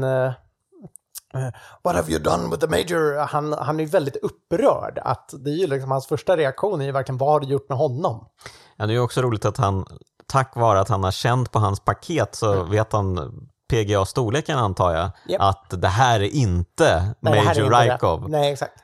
Så då undrar man ju, har Naked Snake större eller mindre? Mm, ja, det spelar kanske ingen roll, men ja, det var kul i alla fall. Eh, jag noterade också att Major Rykov har ju eh, fina kalsonger på Ja. sig med en liten blixtsymbol. Just det. För att det ska liksom... Raiden Ja, och, ja, mm. och Volgin. Och, och det är ju också så här, han har ju riktiga liksom stringkallingar. Ja, just det. Precis. Um, högsta mode 1964. Mm. Mm, nej, inte riktigt.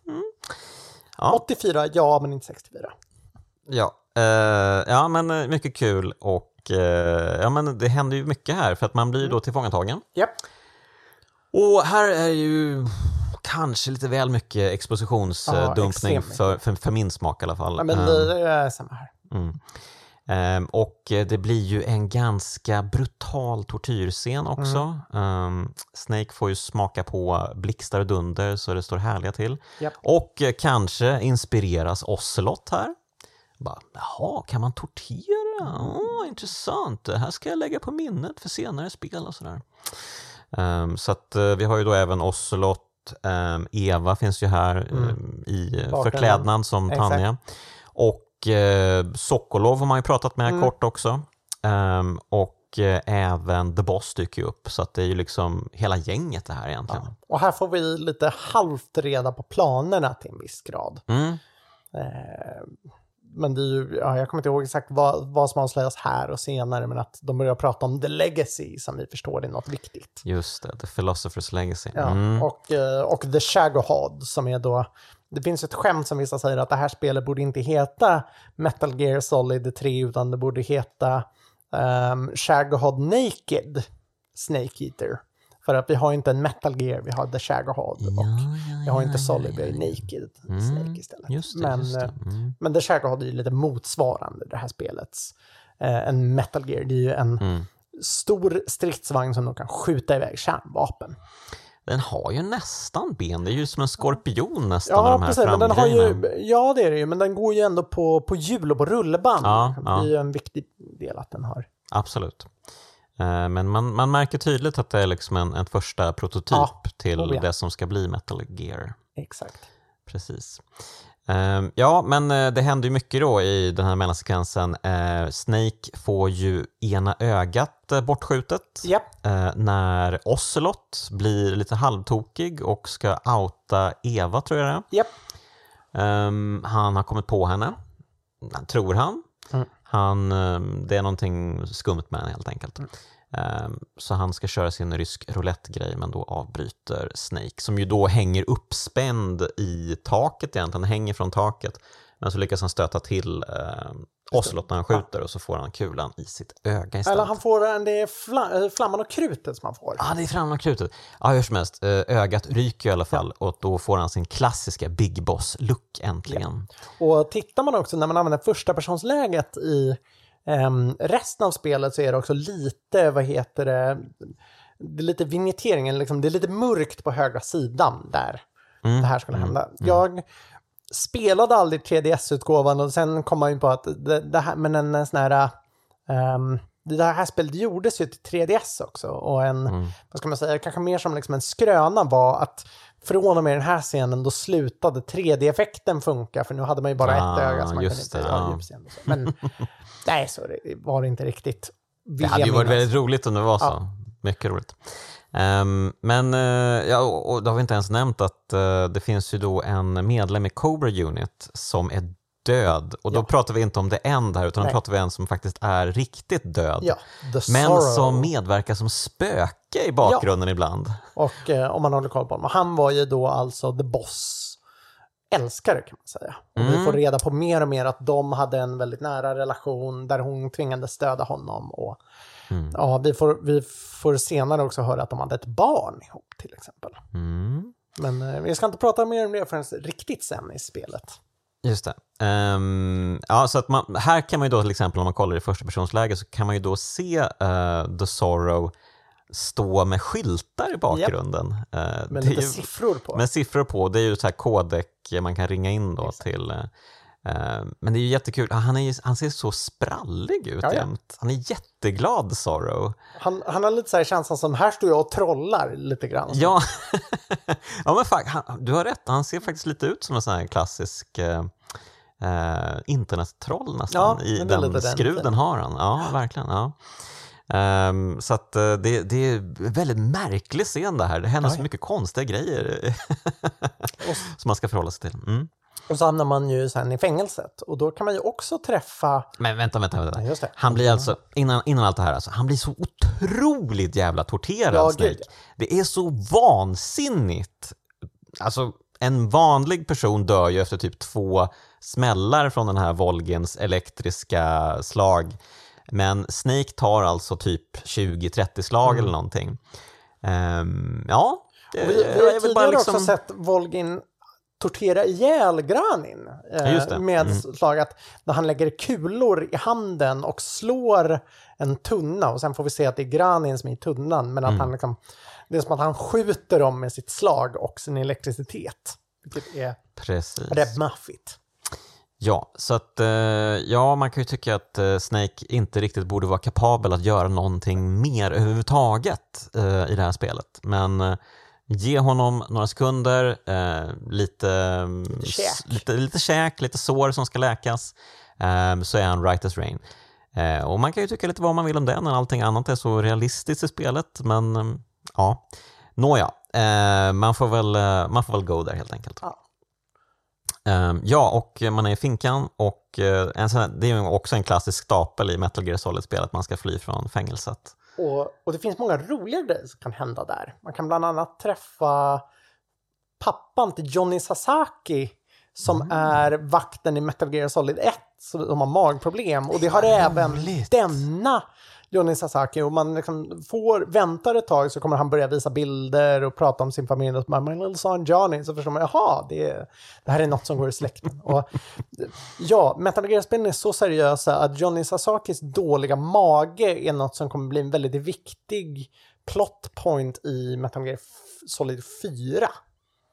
Eh, Oj, oj, oj, oj. Jag Men, suckar eh, bara, men, men ja, ja. Det, det, det är samtidigt en suck av kärlek. Det är, Ja, ja. ont, är otroligt att det kan vara så. Spelar man originalversionerna till Playstation 2 och sparar spelet och stänger av, då, då sa jag att då är det att Snake vilar och sover. Mm. Då får man också spela minispel här där man spelar en vampyrjägare som slåss mot olika varelser för att det får man reda på sen att det är en mardröm man har spelat och Snake berättar då att han är jätterädd för vampyrer. Det kan man ha fått höra tidigare när han pratar med Paramedic som rekommenderar Dracula vill jag minnas. Jag får mig att det är Hammer Horror Dracula och han säger nej, sluta, jag vill inte höra det ordet för att han hatar vampyrer. Han, är han har extrem fobi för vampyrer. Så drömmer han en mardröm som blir ett litet minispel. Som tyvärr bara var med på PS2-versionen. Okej, ah, Okej, hmm. Okej, känns som man missade det. Spännande. En, Men å, återigen, det krävdes så här, du ska ha sparat där, stängt av spelet, slagit på det och bara, jaha? Så man spelade den lilla mardrömmen. Okej, wow. Än en gång, det här spelet har så mycket Mhm. bakom ytan. Ehm, mm, men eh, ja, man, man, får ju man får fly fängelset och Mm. ehm, jag minns inte hur gör man det, men man brukar ju gömma sig under sängen. Ja, man kan gömma sig, här är ju återigen, man kan gömma sig under sängen, man kan, alltså Johnny kan typ mer eller mindre vara snäll och släppa ut den, man kan... Ja, man har ju dödspillret också. Ja, precis. Man har ju dödspiller, just det. Mm. Det är ju att man, det är ju sann agentanda så Mm. har man ett, eller fake death pill som man tar. Så det verkar som man dör och om man väntar för länge så gör man det och då är det som att man får en game over-skärm. Mm. Ehm, men då kan man liksom equippa sitt revival pill som är ett litet piller man har i tanden man biter ner på. Då kan man ställa sig igen. Så det är det andra man kan göra. är Att man Så det är kan... ett omvänt cyanidpiller egentligen? Exakt. Man Ah. har ett, ett låtsas-cyanidpiller och så har Som man en kan bli ett motgift. cyanidpiller, Ja, man får inte vänta för länge heller. Precis, men man har ett motgift. Liksom. Ehm, Eh, ja, Och så kan man ringa jättekul. den här frekvensen som The Sorrow höll upp. Då, släpp, då öppnar de bara dörren. Mm. Mm. Eh, Just det. Ja, nej, som i, vanligt, I vanlig eh, ordning så finns det ju tusen lösningar på det här problemet. Eh, det gäller bara att vara lite klurig. Ehm, ja, och man tar sig ut och här ska man ju då försöka fly basen, man Ja. ska försöka smyga sig in och ner i kloakerna. Och eh, här kommer en massa hundar som jagar en. Och, ja. Det är rätt jobbigt för att här har man ju, man har denna vapnen man har är den här revolvern och man har bara liksom en gaffel för att samla på sig Ja, just det, gaffeln, eh, eh, mat. Så man kan inte heller använda den här CQC som de pratar mycket om i spelet. Men att här har de Mm. ju gjort, de har uppdaterat närstridssystemet så du kan normalt sett liksom ta en vakt till fånga och Mm. du kan knocka dem eller skära halsen av dem med en kniv. Och, ja, det går att göra ganska mycket med det. Mm, mm, mm. Men här är man ju, och man har ingen kamouflage, man, är ju, man har bara liksom barbröstad. Så att Mm. Den här delen är lite klurig och jobbig, men efter ett tag, när man kommer ner i kloakerna och man bara möter hundarna, brukar jag känna att det är lite lugnare. För Mm, mm. de, de kan ju inte simma, så kan man alltid söka skydd i vattnet och så. Mm. Vi var fängelse på slutet av fängelse, eller på slutet av kloakerna efter fängelset. Just det, och då träffar man Ocelot igen. Ja, och eh, som, ja, man, man stannar vid liksom kloakerna, han håller upp pistolen. Det, det är lite som i filmen Jagad med Harrison Ford. Mm. Ja, tänkte ska man kunna ta vägen nu eh, på annat ställe än neråt egentligen? Ja, självklart. Så att eh, man hoppar ju ner för stupet, eller vattenfallet Ja. snarare, ehm, och ner i vattnet och eh, här kommer the sorrow. Precis, och då hamnar man i en flod som man ska ta sig upp igenom och det är också väldigt spännande för att om man ringer till någon på kodeken så svarar alla bara som man är död och de är helt eller skärrade. Alltså, Snake, what's happened to you? Och de hör inte om man säger någonting. Ja, och alla ropar Snake, Snake, Nej. Snake! Exakt. Och det man då möter här, man ser liksom The Sorrow, han svävar runt framför en och sen så skickar han ut eh, själar kan man väl säga av olika personer och så som, han har dö- som har dött under spelets gång. Så att man möter ju alla Cobras som man har besegrat hittills. Vilket är alla faktiskt utöver The Boss. Mm. Um, men sen är det ju också så att den här fighten påverkas av hur många du har dödat. Så att spelar man som jag och använder bedövningspistolen då är det bara lite kobror, eller Cobra units man möter. Um, men har man uh, varit panga på som 17 då kommer det jättemycket olika typer av och soldater. Eh, yes, kan bekräfta. Eh, jag, eh, det gick lite vilt till för min del. Det, det finns också, här finns det en, ett jätteroligt Easter egg som hände för mig en gång också. Som är att om man dödar någon på berget som är uppe, som, som dör där, så det kommer en gam och äter dem. Om du skjuter gamen och äter gamen, då kommer den här själen ha en gam som sitter på axeln, så ropar den “You ate me!” Oj, oj, oj. Eh, men den här, det här är ju egentligen en bossfight som... Ja, det är ju egentligen ingen bossfight egentligen. Nej, det är, liksom, Du det är lite riskerar ju egentligen ingenting här. cutscene. Ja, om en själ rör på dig så dör du. Eh, ja, men tappar man inte lite eh, hälsa då? Ja, kanske. Men det, det, risken är typ att det kan vara en one-shot ibland om stjärnorna rör Ja, det kanske är så. Okej. Man måste vara duktig och undvika i alla fall. Men det är inte jättesvårt. Nej, nej, precis. Jag tänkte det. Ehm, mm. Och sen så vaknar man upp igen. Ja, eller man gör ju faktiskt inte det. Man kommer fram till The Sorrows kropp och då ramlar man ihop och dör. Gör man? Ja, för då Jaha. ramlar man ihop död och det kommer jag ihåg, för jag vet en klasskompis med mig som fastnade bara, jag vet inte vad jag ska göra, bara, men att använda en uh, equipment? Man sitter bara, vad ska jag göra? Och då upptäcker man, vänta, jag kan använda revival-pillret. Och då, Just det, just det. Just det. Sen vaknar man upp igen. Precis. Ja, och, precis alla, för och alla pratar med en som, vad hände egentligen? Jag kunde inte prata med er och vi trodde du hade dött. Och så. Just det, just det. Så att eh, man var kanske lite i typ skärselden eller något liknande. Man var, Ungefär man så. var inte riktigt eh, klar än. Eh, Exakt. Ja, ja, men det är jättespännande. Ehm, och ehm, ja, The Sorrow um, är verkligen en tragisk historia där. Ehm, man får ju veta mer om honom senare egentligen, men man kan väl lite snabbt dra det här i och för sig. Eh, han blev ju dödad av The Boss. Ja. Ehm, för att han... Ja, men han hade hoppat det var över till Sovjet också. Just det. Eh, och det var väl lite av hävd för att skydda barnet de Ja, hade. det var det. Så var det. Ja, Ja, vi får ju, i slutet får man ju reda på mycket om vad det här barnet var. Man får höra att det var ett barn som föddes på slagfältet där Mm. hon eh, fick göra, man fick göra, eh, vad heter det, kejsarsnitt Mm. på plats. Och det är därför hon har det här ärret som ser ut som en orm. precis. Och ärret går ju egentligen över hela bröstet ner Ja. över magen. Det är ju ett jättestort ärr. Precis. Mm. Eh, och man får ju reda på ganska mycket spännande grejer där de pratar om det här barnet, att det var det är 19 år gammal, nu skulle det vara idag och hur Mm. det skulle se ut. Så, ja. Men eh, jag, jag kommer inte ihåg vad som är story och vad man måste ringa i kodek för att få reda på det. Men om man lägger lite pussel så går det ju faktiskt att räkna ut vem som är deras barn. Just det. Ja, vi har ju faktiskt eh, nämnt en lämplig ålder redan tidigare Ja. i det här poddavsnittet. Så Jag att, tänkte- eh, ja, Ni, Jag tänker att ni får, ni får vara lite som det var när man spelade spelet. Man listar ut där och bara vänta nu. Mm.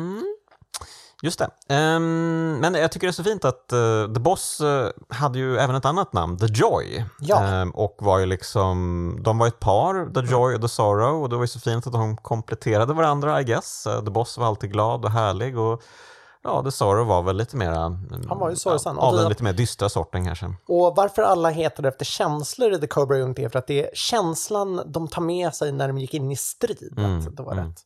Hon sökte då liksom, valde glädjen kan man väl säga. Ja, och det är kanske just därför som hon är The Boss också. Mm. Just efter att eh, hon älskar stridens hetta. Ja, mer än någonting annat. Eh, Men och så, det är så kul att The Sorrow då, när han är död, då är han jätteglad. ja, det är så fint att det har blivit den kontrasten att man, åh tack och lov, nu är jag död och snart får jag liksom gå vidare till andra sidan. Jag ska bara ta hand om några business som är kvar här liksom. Och det är också en fin detalj att han, att när han dyker upp, för det är också att man kan liksom se när han dyker upp på vissa ställen för att folk kommenterar på att det regnar. Och ibland en gång så säger de he's crying. Och då om man trycker på R1 då kan man se the, eh, the sorrow i bakgrunden. Så det är liksom att regn följer med honom för att det är hans tårar som följer med ungefär. Det hade ju varit kul om man inte fick de här prompterna, de här Ja. R1-prompterna, om de in, inte fanns. Så man var tvungen att hitta det här själv Ja. genom att man alltid kan trycka på liksom, Exakt. första personsläget och eh, se saker. Det hade blivit ännu bättre då, tycker jag. Får hoppas på det till remaken. Ja, det hade varit nice. Ehm, men, eh, ja, men då vaknar man upp och man är ju, liksom, man är ju långt ner under vattnet. Mm. Ehm, men eh, Snake är ju, som vi redan konstaterat, en supermänniska. Ja. Eh, lyckas simma upp och eh, ja, inga problem egentligen. Ehm, han ringer in och alla bara, vart är du vägen? Mm, Okej, okej. Men eh, vi, vi fortsätter. Du ska tillbaka. Mm. Man eh, kommer in bakom vattenfallet där Iva tar hand om en och plåstrar om en lite grann. Och så. Mm. Man får tillbaka alla sina grejer. Just det. Och ja, och hon är ju förförisk än en gång, men Ja. han är ju direkt avståndstagande Ja, här. han är mer intresserad av att äta sin grillade orm. Just det, precis. Ja, det är en ganska fin scen faktiskt, Ja, när, de, är när de käkar. Ja. Eh, ja. Och hon eh, ger en bomber som hon liksom, med, vad heter det, eh, sprängdeg. Är det, som, hon ger, som hon gör en liten fjäril. Som hon, just det. Och han får sin fina ögonlapp. ja, det är här Mycket bra. Ehm, ja, hon berättar även om eh, varför hon älskar att åka motorcykel. Det är för att eh, smärtan från vinden när hon åker snabbt i motorcykeln gör att smärtan hon känner över att vara någon annan, den försvinner. Så poetiskt. Ja. Ehm, ja, och eh, vi ger oss in i basen igen och nu Mm. har vi ett tydligt uppdrag. Vi ska spränga Shaggohod, den Japp. här Metal Gear-tanken. Ehm, fyra bomber på, eh, ja vad är det egentligen, någon, någon sorts eh, bensinlager, Ja, exakt. någonting man ska spränga. Ehm, och eh, ja, man ska smyga runt där och sätta ut bomberna och eh, när man tror att allt är chill och man har startat timern, du har 20 minuter på dig. Dra för fan, då dyker ju såklart Volgin och Oslot upp. Japp. Och då blir det bossfight mot Volgin. Den har man ju längtat efter. Ja. Den är rätt häftig också. Ja, Med hans olika krafter som man måste lista ut. Det är mycket liksom pusselgrejer i de här bossarna. Man ska lista ut, ja, hur ska jag ta mig förbi det här och lära sig mönster och så. ja nej men precis. Det är mycket han skjuter med sina elektriska blixtar och Ja. man får ju inte liksom ha framme sitt vapen för Nej. länge. Det är ju väldigt roligt. Det är väldigt kul för att om man gör det då skjuter, han av, skjuter man av alla skott så man tappar ett helt magasin i vapen. Mm. Ja, äh, mycket skoj. Och eh, Ocelot övervakar ju den här Japp. fighten på liksom en gångbro ovanför. Eh, Volgen har ju sänkt ner Snake och sig själv, ehm, ja men golvet helt enkelt, sänkt ner det ehm, så att de befinner sig nedanför. Och ehm, Volgin, halvvägs in i fighten, um, och man har fått ner Volgens uh, hälsa till halvvägspunkten, eh, så säger han ju bara till uh, Ocelot att eh, ja, men skjut honom, nu, nu räcker det, jag orkar inte mer. Eh, men då säger Ocelot nej bara. Nej, jag tycker att du ska göra som eh, The Boss sa, du ska fight with honor. Um, Precis. och eh, ja, då har vi inte ens nämnt The Boss var också där men har liksom stuckit Ja. med Iva. Eh, hon har ju gett en blinkning till henne att hon ska hjälpa henne. Mm. Ehm, så att hon drar iväg med The Philosopher's Legacy. Ehm, som, ja, det är ju, vad är det egentligen? Det är, och det förklarar mer sen också, men The Philosophers var liksom föregångarna till det som är The Patriots, som en slags liksom, organisation av rika, inflytelserika människor som ja, lite halvt skulle styra världen. Och då var de här, då samlade de sina liksom, kloka huvuden ihop och framförallt sina pengar. Så att det här var då att deras ja, legacy efter dem är helt enkelt en extrem enorm summa pengar och viktig information som finns på en mikrofilm, för det är ju 60-tal. Precis, och då, det är ju också jättemycket pengar. Pengar att man kan föra krig fem gånger om tror jag Ja, säger. ungefär så. Så det är... Så att, eh, ja, det är ju uh, jackpotten för den som är sugen på mer möp helt enkelt. Exakt. Ehm, men, eh, ja, men till slut då så får Volgen bita i gräset, tror man. Ja, det finns också ett roligt sätt man kan, återigen, så här roliga saker man kan göra med Volgin är att man kan hitta i spelet svampar som lyser, Russian glow caps, som också innehåller några av spelets roligaste konversationer för att om man, den är roligast om man äter och sen ringer, men det är typ samma om man ringer innan och säger att eh, men om man gör det så säger Snake I ate this mushroom and it recharged my batteries och då laddar den om batterierna och man hör hur när man så här, va? va? Vad menar du? Så bara, jo men den lyser så jag tänker att den måste ladda mina batterier. Eh, och så blir det liksom lång diskussion där paramedic pratar med de andra och så här, vad ska vi göra? Och så här, Låt honom tro på det, det är liksom no harm, no foul ungefär. Ehm, och de, de låter bara Snake, absolut, ett de här så laddar de om batterierna, det gör det. Men om man har sådana, då kan man kasta ut dem för att de är ju uppenbarligen elektriska, så då drar de åt sig Volgins blixtar. Så då kan man, Ah. eh, blir han lättare att attackera. Gud, okej. Wow. Ehm, men i alla fall, han får bita gräset ehm, och eh, de, eh, han, Snake och Iva hoppar upp på motorcykeln och bränner iväg. Men, Och då får man ju åka, man får ju dessutom åka härligt i sån här sidovagnen liksom. just det, Och nu när man bränner iväg, då kommer The Shagahod körd av Volgin i full just fart. det, precis. Så han eh, lyckas ta sig ut ur basen samtidigt som den sprängs Ja. typ. Ehm, och eh, då blir det en, eh, ja, kanske inte jätterolig jaktsekvens eh, när man ska skjuta vakter eh, samtidigt som hon kör den här motorcykeln. Exakt. Ehm, kanske inte riktigt lämpar sig för det här lite tröga systemet att Nej, sikta med. Det det. Eh, det är ännu mer spännande när man gör som jag och tänker att man ska försöka bedöva vakterna. Men Ah. får man in snitsen så går det. Men Okej, ja, nej, det är lite trögt. Liksom. Och där är det lite så här att det är inte... det- är mer värt att våga utnyttja tredjepersonsläget här, för då har man lite autosikte och så får man ibland sikta bra i första person vid behov. Liksom. Mm, mm, mm. Men, Ehm, ja, och eh, det är ju en, det är en ganska lång jakt också. Ja, det är en lång det, det, I man, flera ska, faser och delar och så. man ska dels igenom basen, eh, Japp. ru- liksom en rundvandring i hela basen och sen så åker man ut mot eh, kanske flygfältet. Japp.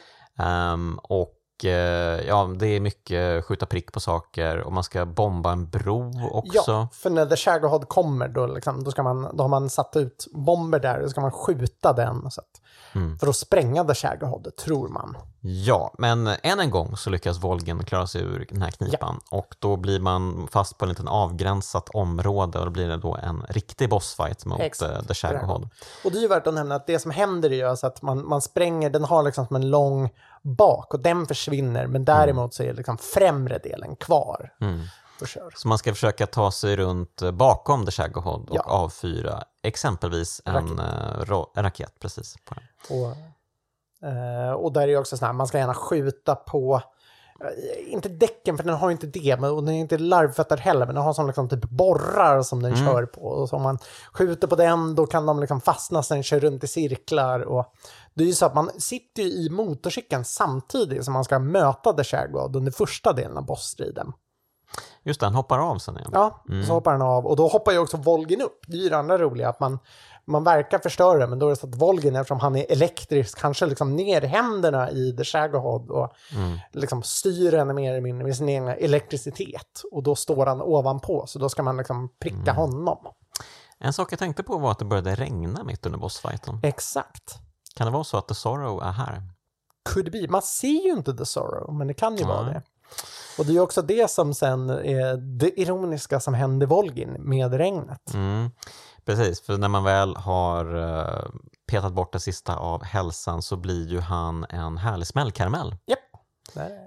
Blixten slår ner i honom.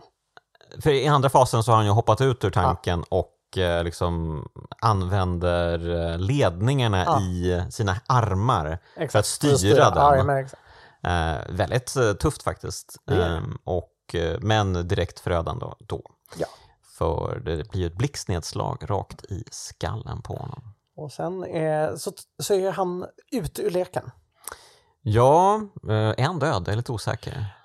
Man tror det, men sen så... eh, han, jo, han är död, men ja, han dyker upp sen i MGS5. Det, det, De här spelen har väldigt konstig lore. Men ja, 2004 var han definitivt död. Just det. Ingen är väl helt död någonsin i de här spelen. Nej, gud nej. Ehm, ja, nej men eh, han är definitivt uh, omhändertagen i alla fall. Ja, Det kan vi han, är, han är ute leken. Han är ju död. De typ, han är typ mer som en zombie i uh, femman kan man säga. Oj, okej. Eller han är, han är en som, alltså, han, eller han dör inte riktigt förklaringen för han hatar Snake så mycket att han liksom måste ha sin hämnd innan man kan. These games have very weird complicated lore. Ja, men eh, vi kastas in i en lite halvmärklig avslutning här kan Ja. jag tycka. Det här är Eh, typ den tråkigaste delen. tycker jag. Ja, verkligen. För dels så blir det ju då en, eh, en jaktscen till. ja. Och eh, det slutar ju med att, liksom. ja precis, eh, den är väl inte jättekul heller. Man måste skjuta en massa efterföljande motorcykelvagnar. Ja. Och de här svävarplattformarna igen. ja, just det, som är lite gulliga. Och eh, sen eh, lämpar det sig så att eh, Eva har blivit allvarligt skadad. Ja. Och eh, då får man då tillfället att eh, ledsaga henne genom djungeln. Japp. Och eh, samtidigt som man då ska hålla koll på hennes stamina för att hon är ju skadad och eh, den dräneras väldigt snabbt. Ja, gud. Så man måste ge henne saker att äta hela tiden. Japp. Och det och så kan de bli upptäckta av vakter, bli skjuten av vakter. Så man måste göra mycket för att liksom, ta hand om henne. Ja, precis. Det var kanske inte riktigt eh, det jag hade väntat mig. Nej. För att här var det liksom, okej, dags för slutfighten mot the boss. Vänta nu här. Nej, du måste göra de här lite halvtråkiga sakerna. Ja, exakt. Och det, det är lite lätt, det är ganska mycket vakter som kommer, så att det är den böka biten. Mm. Det som är en sak man kan göra som jag märkte hjälpte mig ibland är att man skjuter en bedövningspil på henne för då behöver man inte ha koll på hennes stamina. Och så Ah. försöker man bedöva vakterna och så bara släpar man henne för att det går ofta snabbare att släpa henne än att Det är också så här att då kan inte vakten upptäcka henne lika lätt så då är det svårare för dem att skjuta henne och så man liksom väcka henne innan man ska vidare. Ehm, Okej.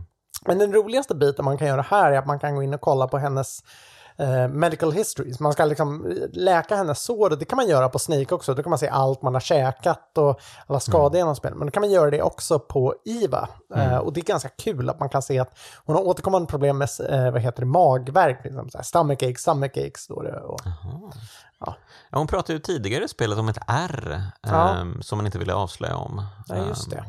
Kan man kanske veta mer om det där? Jag kommer inte ihåg vad just det, ja, jo, eh, jag kommer inte ihåg exakt vilket av ärren det är. Jag satt och kollade på den. Man får också reda på att hon har bröstimplantat. Jaha, För den som är nyfiken. Så, jaha ja, det ser man. ja. En- Eh, för en- den som, som gör sin historia så var det typ så här 62 eller 63 tror jag den första operationen gjorde. Så hon var väldigt så här... Hon stod först i kön? Ja, typ så här. Hon var, det här var tydligen nytt mode så att säga. Okej. Hmm. Ja, det, det finns ju viss um, jiggle physics även i detta spel, även om hon inte har jättebröst. Liksom. Men eh, ja, mm, okej, så det var intressant att veta att det faktiskt Ja. var bröstimplantat. Weird, mycket weird. ja. Um, mm. Men till slut tar man sig förbi den här delen i alla fall. Det, är, Ja. det här är verkligen en av de få. Det är så här, det, man har spel som man älskar, men då och då kommer de här sakerna som man liksom... Varje gång man spelar om känner man, oh, just det, den här biten ska man göra och den är aldrig kul. Och det här är ju lite... Den här sektionen tar sig igenom IVA, det är den enda jag känner så här, okej, det, det här kan vi få slippa. Det här är motsvarande vad 30, 34 i Vegas är för mig är det här för liksom det här spelet. Den här den saken som I always dread it när det ska, dyka, när det ska hända. Liksom. Men nu träffar vi The Boss. Ja, Och det är ju en otrolig setting. oh ja. Det är liksom ett hav av vita blommor. Ja, och hon är klädd i en vit sneaking suit. Mm. Har man varit duktig och hittat, sökt i Grosningrad så har man en svart sneaking suit. Så det ser väldigt så här tematiskt med svart och vitt. Yin och yang. Exakt. Mm. Ehm, Ja men eh, det är ju hon, ja vi får ju en expositionsdumpning som heter duga. Ja, det är helt otroligt. Jag vet inte hur länge hon pratar, typ 10 minuter eller någonting. Ja, men, eh, och vi får ju veta jättemycket om eh, hennes, hennes motivationsgrunder och eh, ja, men, eh, allt möjligt egentligen. Eh, hon, hon har ju skickats ut i rymden, Japp. får man veta. Man får reda och säga att men det hölls hemligt. Eh, så att det, ja. Så att- både hon och... eh, The och Fury. Ja, precis. Ja, var han också ute i rymden? Ja, det var ju det. Han var ju gammal kosmonaut. Det var Ja, ja, därför ja, han ja, ja, ja, ja, just det, du har rätt i. Ja, förlåt. Eh, Men eh, så både The Boss och eh, Snake har ju utsatts för strålning då. Japp. Ehm, och är väl båda mm, Sterila. sterila då. En. Ehm, så att, ja, vi, vi har så mycket gemensamt du och jag Exakt. och, och allt det där. Ehm, ja, udda att hon har varit ute i rymden, att Japp. det var en grej. Ehm, Men, men eh, Kojima tycker kalla kriget är väldigt spännande och han vill få med allting som har med det att göra. Mm. Ja, nej, visst, varför inte? Och när hon har sett eh, liksom, världen utifrån, när hon har sett Mm. bara det lilla klotet uh, ut, ut i rymden, ja, då inser hon ah, det- allting är så futtigt, alla Mm. våra krig och allt det där, allt det där klassiska liksom.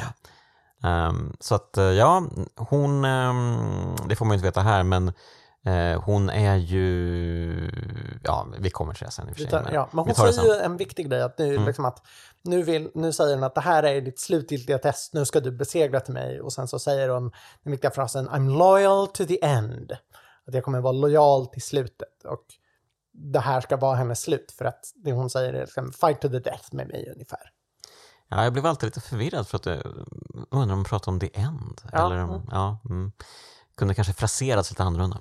Men eh, ja, nej, men det är ju en, en eh, ganska mäktig fight. Man ska smyga sig på henne ehm, Precis. och ehm, skjuta. Och ehm, hon är ju stenhård. Om hon får syn på en, då är det ju liksom hej då. Japp. Hon kan ju CQC combat som ingen annan. Japp.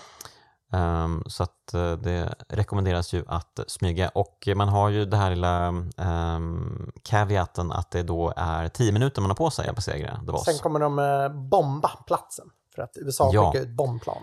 Eh, mycket bra är att man halvvägs in i fighten får höra Snake Eater-låten. Japp.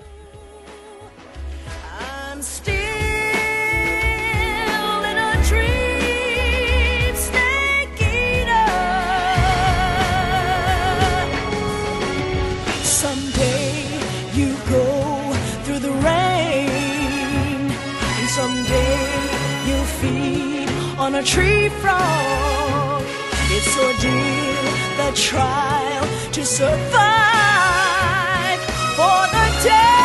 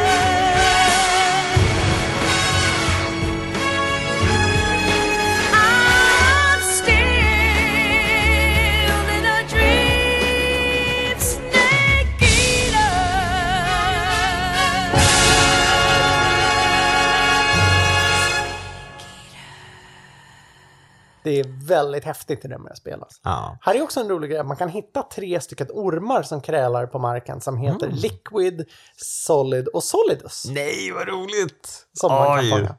Wow, okej. Shit. ehm, Som man, och de finns också bara här, de är liksom unika med, jag har att de är vita också. Okej, kan man äta dem också? Det kan man. Händer det något speciellt? Eh, Det är inte mer än att jag vill minnas att de smakar gott och du får tillbaka mycket stamina. Okej. Mm. Men eh, ja, och det är också en grej med The Boss som jag lärde mig var att någon förklarade att så här, det finns ett sätt man kan, man kan lära liksom best her i CQC. Att om man trycker typ när utropstecknet dyker upp eller något sånt här, då kan man liksom lyckas kontra henne och då kan man flippa henne och slå tillbaks till. Nej. Och då börjar hon ge en komplimanger att eh, så här, om du är duktig då säger hon att du är bra på det här liksom. Coolt. Ja, jag, jag fick ju mycket så här uh, patronizing stuff liksom. Eh, jag var ju inte så bra då kanske. Men, men. Mm, ja, men till slut då så triumferar man och eh, tvingas döda The Boss. Ja. Och det är ju också en viktig grej, att, för det är liksom, man, man är ju så van att, speciellt på den här tiden, att det var liksom, ja nu är det en cutscene, vi ser Snake stå med vapnet riktat mot hennes huvud och så sitter man och tänker, varför händer inget? Det är ju, han ska skjuta henne nu och sen så dyker det upp, jag kommer inte ihåg när det ens dyker upp en prompt, men sen inser man så här, jaha okej, jag måste trycka på skjutknappen. Mm. Att den liksom lägger det på spelaren, att man ska göra det här. Och det är rätt tungt vid det här laget. Ja, just det. det. Det var en av de där första grejerna. Det var mycket Mm. sånt på, på den tiden, att man skulle liksom involvera spelaren i sådana Mm. viktiga beslut. Liksom. Och, då, och det är något vi har börjat ta för givet lite mer numera. Men det här var en Mm. av de första jag kommer ihåg, oj, okej, jag måste trycka på knappen. Det är rätt jobbigt och man kan vänta rätt länge på det. Mm. Jag tycker det- är så intressant med Snake i, överlag i det här spelet, ja i och för sig i, i alla spelen, är ju att all, han alltid i de här helt galna mellansekvenserna när det kommer liksom galna skurkar och allt möjligt, att han står alltid med sin lilla puffra och sin kniv Japp, och bara liksom kikar. japp. Han bara väntar. Han, tänk, han tänker inte skjuta eller någonting eller kasta sig in i någonting utan bara okej, det här verkar skumt men jag avvaktar och ser vad som händer. Och det är liksom hans eh, mantra hela tiden. Exakt. Och eh, ja, men här då så måste han faktiskt, eller ja, spelaren måste faktiskt trycka på avtryckaren. Ja. Ehm, ja, eh, spelet slut tror man. Men här kommer eftertexterna och alla hundra mellansekvenser. Ja, gud, det är ju... Det är inte MGS4 långt, där är ju, Tack och lov. där är ju 80 minuter efter, alltså som är i slutsekvenserna. Liksom. Men jag tror att det är typ en halvtimme, 40 minuter här.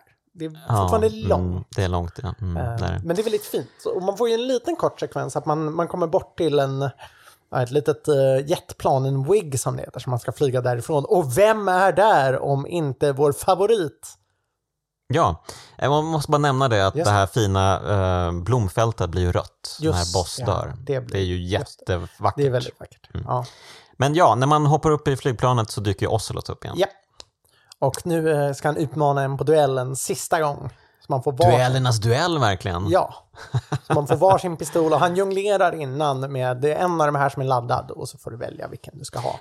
De har en jättelång strid innan Ja, ska sägas, som jag kände så här, ja det här är ju fräckt och så, men jag hade kanske gärna fightats mot honom själv. Eh, Mm, Det hade varit kul.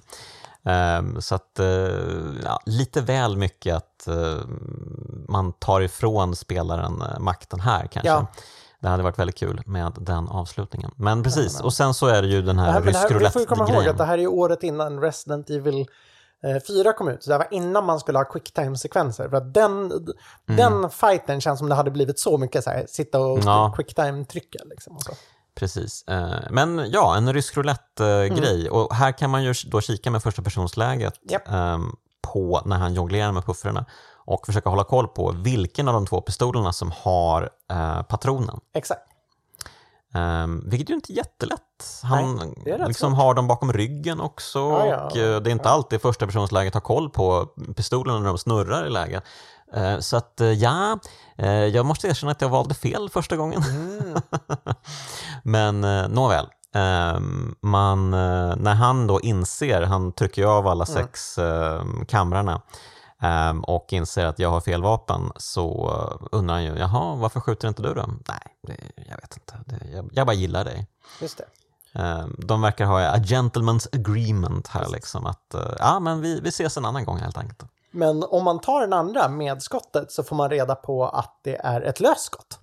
Och jag har för mig att det är om du har den med ett lösskott, för det är också olika. Att om du inte, jag har för mig att det är att om du har den som är tom, då lämnar Snake tillbaka den i mellansekvensen. Men om det är den andra så kan Ocelot peka på den och Snake lägger ner den och då får man den när man kör New Game Plus helt enkelt. Eh, den är också rätt rolig den revolvern när man använder den för att om du snurrar på högerspaken då börjar Snake snurra med den, i alla fall i första personsläge. Liksom. Han står och snurrar på pistolen Ocelot-style. Mm. Ja, men jag kan tänka mig att Snake är ännu bättre med revolverna. Nej, han är, där är ju faktiskt Ocelot ännu coolare för att i, med allt jonglerande och grejer. Liksom. Ja, okej. okej. Eh, ja, men det är kul att han bara hoppar av flygplanet i farten eh, och typ landar. Det är ju inte ens eh, djupt vatten han landar Nej. i, utan flygplanet bara passerar på kanske fem meters höjd från uh, något träsk typ han hoppar ner i. Ehm, så att ja, nej, men det, det är fräckt. Och sen så blir det ju den här klassiska Ja, uppenbarligen då inspirerad av Pink Panther, eh, sexscenen i en stuga. Japp. Ehm, och eh, ja, det eh, blir sugen på att titta på den också, eh, Pink Panther sexscenen. Jag minns inte riktigt den, men jag antar att det är lite weird och wonky. Ja, och det är ju lite det som det är. Man märker att här, Snake, man tänker att han ska vara liksom coola Bond-typen, men han är ju inte alls det. Nej. Man märker att han är lite obekväm och liksom, han vet inte riktigt vad han ska göra. Och... Mm, Vilket också är ganska fint. Det, det är det mm. jag säger, där, att han kan både vara ganska goofy, men att han... Vi får se mycket av de här sidorna med liksom hans, ja, saker han inte är bra på. Så. Ja, och eh, när han vaknar upp morgonen därpå, då får han ju se att eh, Iva har chappat. Japp. Och hon har snott med sig The Philosopher's Legacy. Just det, och eh, hon har lämnat efter sig ett sån här klassiskt band då, som Mm. hon hade liksom talat in. Ja. Det hade hon tid att göra mitt i natten eh, när hon skulle dra. Ehm, så att eh, Snake sätter sig i soffan Mm. med eh, cigarren, puffar och lyssnar och får veta allt. Ja, nu får vi reda på extremt mycket. Det här är liksom en sista infodump, men det är väl kanske också den mest spännande. För att det här funkar på något sätt ändå ganska bra, för det är mycket som förändrar grejer. Vi får reda på att Iva var egentligen inte alls Iva och den här avhoppade NSA-agenten, utan hon är en trippelagent, eller Självklart. kvadrupelagent till och med, som jobbar för Kina och ska försöka få The Philosopher's Legacy. Vilket har planterats tidigare för att hon har en kinesiskt byggd Mauser-pistol Just som hon skjuter i sidleds som kallas för bandit shooting som var en grej som är, och det påpekar Snake och det var något som man gjorde i Kina. Så att då får vi reda på att hon har snott det. Men så får vi också reda på, nej det är sen förresten, får reda på The Legacy som hon har snott. Eh, Ja, för man, hon berättar väl att eh, The Boss har då får man egentligen Ja. veta The Boss eh, redemption här. Ja. Eh, för att hon har ju inte alls varit en skurk. Nej. Hon har ju dött för fosterlandet, Japp. för USA. Det, och det är att hon har gjort det här, det, allt det här har varit en ruse, mer eller mindre, för att de skulle göra ryssarna glada. Att hon skulle dö och hon visste om den här planen från början och gick med på den. Eh, för det var aldrig tänkt att de här liksom... ja, det var tänkt att hon skulle mer eller mindre vara en dubbelagent för att få med Sokolov från Volgin. Men Mm. när Volgin sköt atomvapnet på ryssarna själva, då, det var ju då som det liksom allt förändrades. Och det blev klart att hon behövde dö och det ställer hon upp på att göra. Hon förstår att det är hennes sista uppdrag, ungefär. Just det, ingen hade räknat med att han faktiskt skulle skjuta iväg atomvapnet och använda det. Exakt. Ehm, Jag förstår inte riktigt varför de, bara, varför de gav honom de här atomvapnen. Var det för att liksom, ah, han ska verkligen tro att The Boss har hoppat av? Ja, det är hennes gåva till liksom. honom. Ja. Här får du några farliga vapen liksom. Ja, men men använd dem inte! Va? Använder du dem?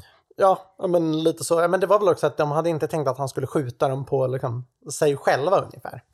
Ja, mm, det är sant. Ja. Och, och när vi pratar om det, det är alltså några som heter Davy Crockett som är liksom en raketkastare med ett litet kärnvapenhuvud på. Som Mm. Just fanns på riktigt men användes inte riktigt. För man kom på att det, alltså, avfyra kärnvapen där man ändå typ kan se var de sprängs inte en jättebra idé. Men eh, de är också Nej. inspirationen till Fatman-vapnen i Fallout-spelen. Mm, Okej, ja kul.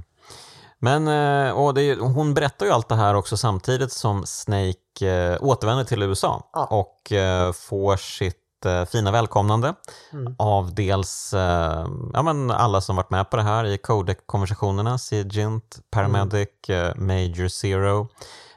Men de är ju också inne, jag tror att det är hos presidenten i, Ja, hans, så säger i ovala rummet. presidenten kommer in och liksom... Eh, precis, så att eh, Snake går ju i iklädd eh, finuniformen Ja. och eh, gör, medalj och gör salut och hela köret. Men när han är klar där så bara går han direkt ut. Han eh, vill inte stanna kvar där och prata med the top brass utan han, hans mål är eh, kyrkogården. Ja, och han, han tar ju inte heller presidenten i hand. Det är Mm. också en grej. Och han går ut i kyrkogården och ställer sig framför en omärkt grav som är The Boss grav och gör honör till henne och fäller en tår. För han inser att liksom, allt han har kämpat för var bara en lögn. Han har dödat den viktigaste personen, han har blivit tvingad av sitt land och döda den viktigaste personen i hans liv och ungefär hans livs stora kärlek Mm. för en lögn. Och det har de tvingat honom till. Ja, man förstår kanske varför han sen blev Big Boss Precis. med allt vad det Och det, och det är också därför han får titeln Big Boss. De säger det, det är nu eftersom The Boss är död och du besegrade henne, nu är du Big, Big Boss. Boss. Nu har du liksom. Det är, ju, det är ju en sån töntig titel egentligen, Ja. Big Boss. Men den funkar så bra. Men, men eh, i det här sammanhanget så blir den cool. Liksom. Det, det är svårt att förklara riktigt. Men, Precis. mm, Eh, det är både och och det kan saker vara. Ehm, och eh, här tror man kanske att spelet är slut men Mm. självklart så finns det ju en after credits-grej Ja. som det alltid gör i de här Och då spelen. hör vi... ehm, då har vi ju, vad heter det, um, Ocelot såklart. Som ringer ett telefonsamtal. Han ringer alltid telefonsamtal i slutet av spelet. Och här, och här ringer han då till KGB-chefen och berättar att ja, jag bytte ut The Philosopher's Legacy mot ett fejkat. Så att det Iva har fått med är It's a fake, det är värdelöst. Mm. Så tror man att ja, nu eh, så att eh, ja, amerikanerna de eh, behöver inte oroa sig för det här. Eller liksom amerikanerna har inte fått det här. Och han har också tagit med all viktig battle data så att säga. Så Ja. Och sen ringer han ännu ett telefonsamtal. Ja, till CIA-chefen, för han var ju dubbelagent såklart, för det är Oslot. Mm. Eh, och vi får reda på att han har ju velat se till att hjälpa Snake genom spelet Mm. och att ehm, då berättar han, men jag för mig att det är där han förresten berättar att de har fått all Shaggohod-data som han ska ge Mm. till CIA-chefen. Och säger den viktiga grejen, de visste aldrig att det var jag som var Adam. Mm, just det, den där killen tidigare i spelet som de pratade om att eh, det skulle komma Precis. en och hjälpa Snake. Och han var ju där. Det var ju, Adam var ju vid fabriken. Det var Mm. bara att vi visste, han, ja. Ja men det där är ju intressant. Varför avslöjade han sig inte? Eh, han... eh, ja, Ehm, ja, alltså jag det är tänker lite väl att, oklart. Ja, jag tänker väl att det har att göra det med att, jo men jag för mig att det har att göra med att Iva är där, för att Iva försöker ge sig på honom, så det är väl också det att då får inte de, får inte han utrymme liksom. Det och så kanske också att alla andra soldater är där, så att han kan inte... Ja, ja visst, han, le- han leder ju den här Ja, exakt, han kan inte bara igen. säga det. Mm. Men eh, så vi får reda på att han var Adam i alla fall. Just det, just det, just det. Ehm, Ja, men då, det är ändå så här, okej, men i slutet han hoppar upp i flygplanet och börjar slåss med. Det är ju otroligt roligt att han är en agent för USA Ja. och att han ändå är helt besatt av att duellera och eh, ja. liksom visa sig på styva linan mot Snake hela tiden. Men det är väl också lite återkommande grej med Ocelot att han går ju mer på liksom sin känsla än Ja, vad han sant. går på order. Liksom. Och det är det som gör honom så kul. Ja, men han har ju någon märklig hederskodex ehm, och någon märklig way of life liksom, Japp. som styr honom mer än någonting annat. Eh, och det är väl därför som han kanske är min favoritkaraktär i Ja. serien också. Ja, men gud, det och att han, han, han är ju så campy. Mm. Och det är ju också kul att han får bara vara det och det funkar så bra på något sätt. Mm, Eh, ja, nej men verkligen. Eh, han, är ju, eh, han är ju det de ville att uh, Kylo Ren skulle vara i nya Star Wars. Den här Mm, vad du liksom, menar. lite halvt, väldigt drivna tonåringen som har Mm. svårt att kontrollera sina drifter och som bara har en massa, ja, han vill bevisa sig hela tiden. Just det. Ja. Ehm, ja, nej men verkligen. De lyckades fint med den här origin storyn för Exakt. Ocelot. Och så slutar det så bra med en så här fin James Bond-stinger som är du, du, Just det! Precis. Eh, ja, fan alltså det här spelet är inte så dumt egentligen. Nej, det är ganska bra. Ehm, ja, men eh, om man bara bortser från vissa eh, långa, långa, långa mellansekvenser Mm. så finns det otroligt mycket gött i Oh, det här ja. spelet. Men, Och eh, jag, jag, jag brukar också säga att jag tycker de funkar mycket bättre när man spelar typ första gången. Det är mest när man spelar om det som de känns jobbigare och längre. Liksom. Men när man upptäcker handlingar, alltså de är fortfarande Mm. långa, men då har man mycket mer så här, ja, eh, nyhetens, eh, vad ska man säga, då är det ganska trevligt att då vet man ju inte vad som händer och plot Mm. twist efter plot twist och så. Ja, okej, men jag, jag, kan, Men jag ändå- kan, jag kan ändå känna att uh, Hideo Kojima kunde ha skrivit dialogen lite bättre, kring, speciellt Ja, kring definitivt. vissa bossarna. Ja, Volgin, han bara maler på i en Ja, ja evighet. nej, men, och det håller jag med. Och här saknar jag också den moderna grejen med att ibland kunna pausa under mellansekvenser. Mm. Att, eh, tycker man på något då stängs det av. Liksom. Och sen det här att bossarna, eller att eh, de här typerna alltid ropar I'm not done with you yet Snake! Ja. Snake, it's not over yet! Som Ja. alltid säger. Ja. Ja, det, det blir lite parodiskt, men eh, Ja. det kanske är medvetet parodiskt, jag vet inte riktigt. Och det, Ja, mitt svar på det är nog ja och nej. ja, Jag tror att vissa saker är det som vi inte tror är det och vissa saker är det inte som vi tror är det. Ungefär så.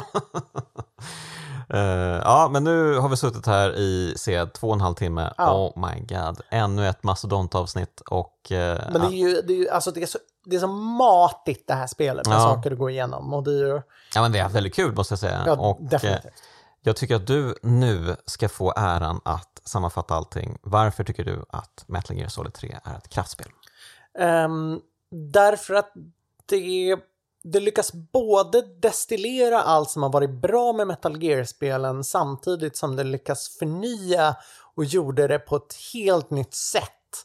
Eh, och ja, men det, det lyckas både ha en gripande och rolig story som håller ihop mycket av det men med innovativ och väldigt unik gameplay som också att det är, ja, där man med väldigt hög interaktion och som ger spelaren mycket att göra och att mm som nog märks har det också extremt många spelsystem som liksom hänger ihop och länkas med varann. Så att det är ett spel som verkligen belönar en också ju mer man spelar och tar sig in och känner in spelet.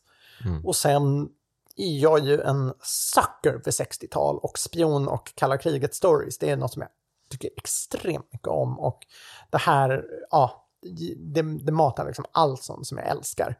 Och sen är det ju ett av de roligaste spelen jag känner till. Det är ett av dem där jag verkligen har skrattat på många ställen för det är så kul. Och samtidigt så är det ett av dem som har fått mig att gråta. När, när Naked Snake gör honör då fäller även jag en tår. Ja, men det är fint. Jag håller med.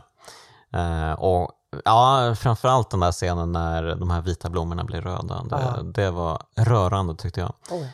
Um, uh, apropå det här med filmerna bara, Mm. eh, som Paramedic pratar om eh, ständigt och jämt. Eh, Jag läste att, jag vet inte om det liksom refereras senare, men eh, Snake går och ser två av filmerna. Just ja. Vilka- Minns du vilka? Jag har dem här annars. Nej, det, det får du gärna säga, för jag kommer inte ihåg vilka det är han går och ser. Vet, ja, men det är roligt. Det säger ju ganska mycket om honom som person då, att han väljer att gå och se Jason and the Argonauts Mm. och A Fistful of Dollars. Ah, mm, Mm.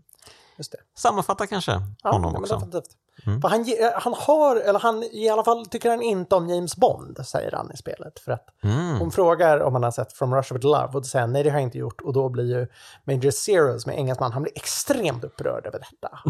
Har en lång förklaring om varför Bond är så bra och häftig.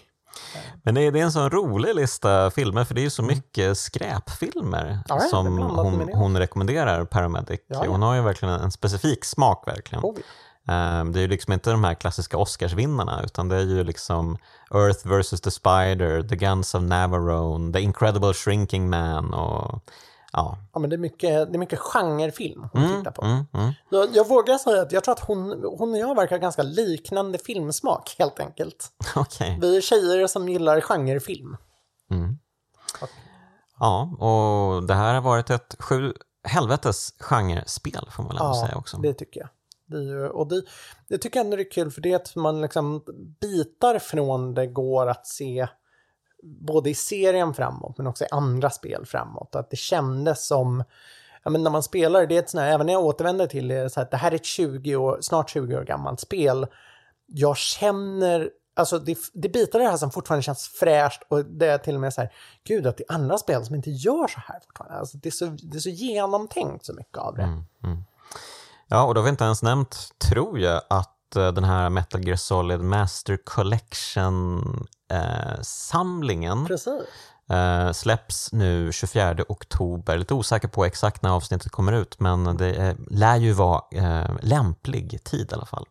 perfekt tid att spela om det och då har man hunnit spela om det ordentligt, spela igen några fler gånger och resten av serien tills vi också förhoppningsvis nästa år får Metal Gear Solid Delta som är remaken som kommer.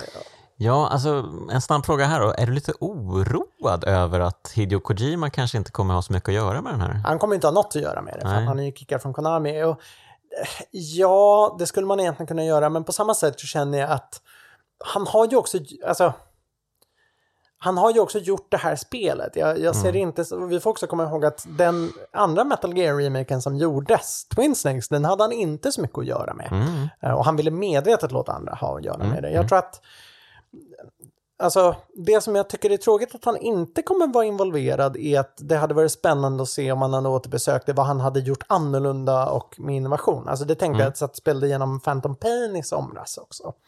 Eh, eller först spelade jag med MGS3 och så blev jag jättesugen på att spela Phantom Pain. Och där märker man ju liksom hur mycket de har utvecklat mycket av frön de har sått i det här spelet. Ehm, och jag kände att oj, hade han gjort det här idag då tror jag att det här hade varit ett öppnare spel. Kanske inte så mycket laddskärmar utan det hade varit ännu mer open world och så.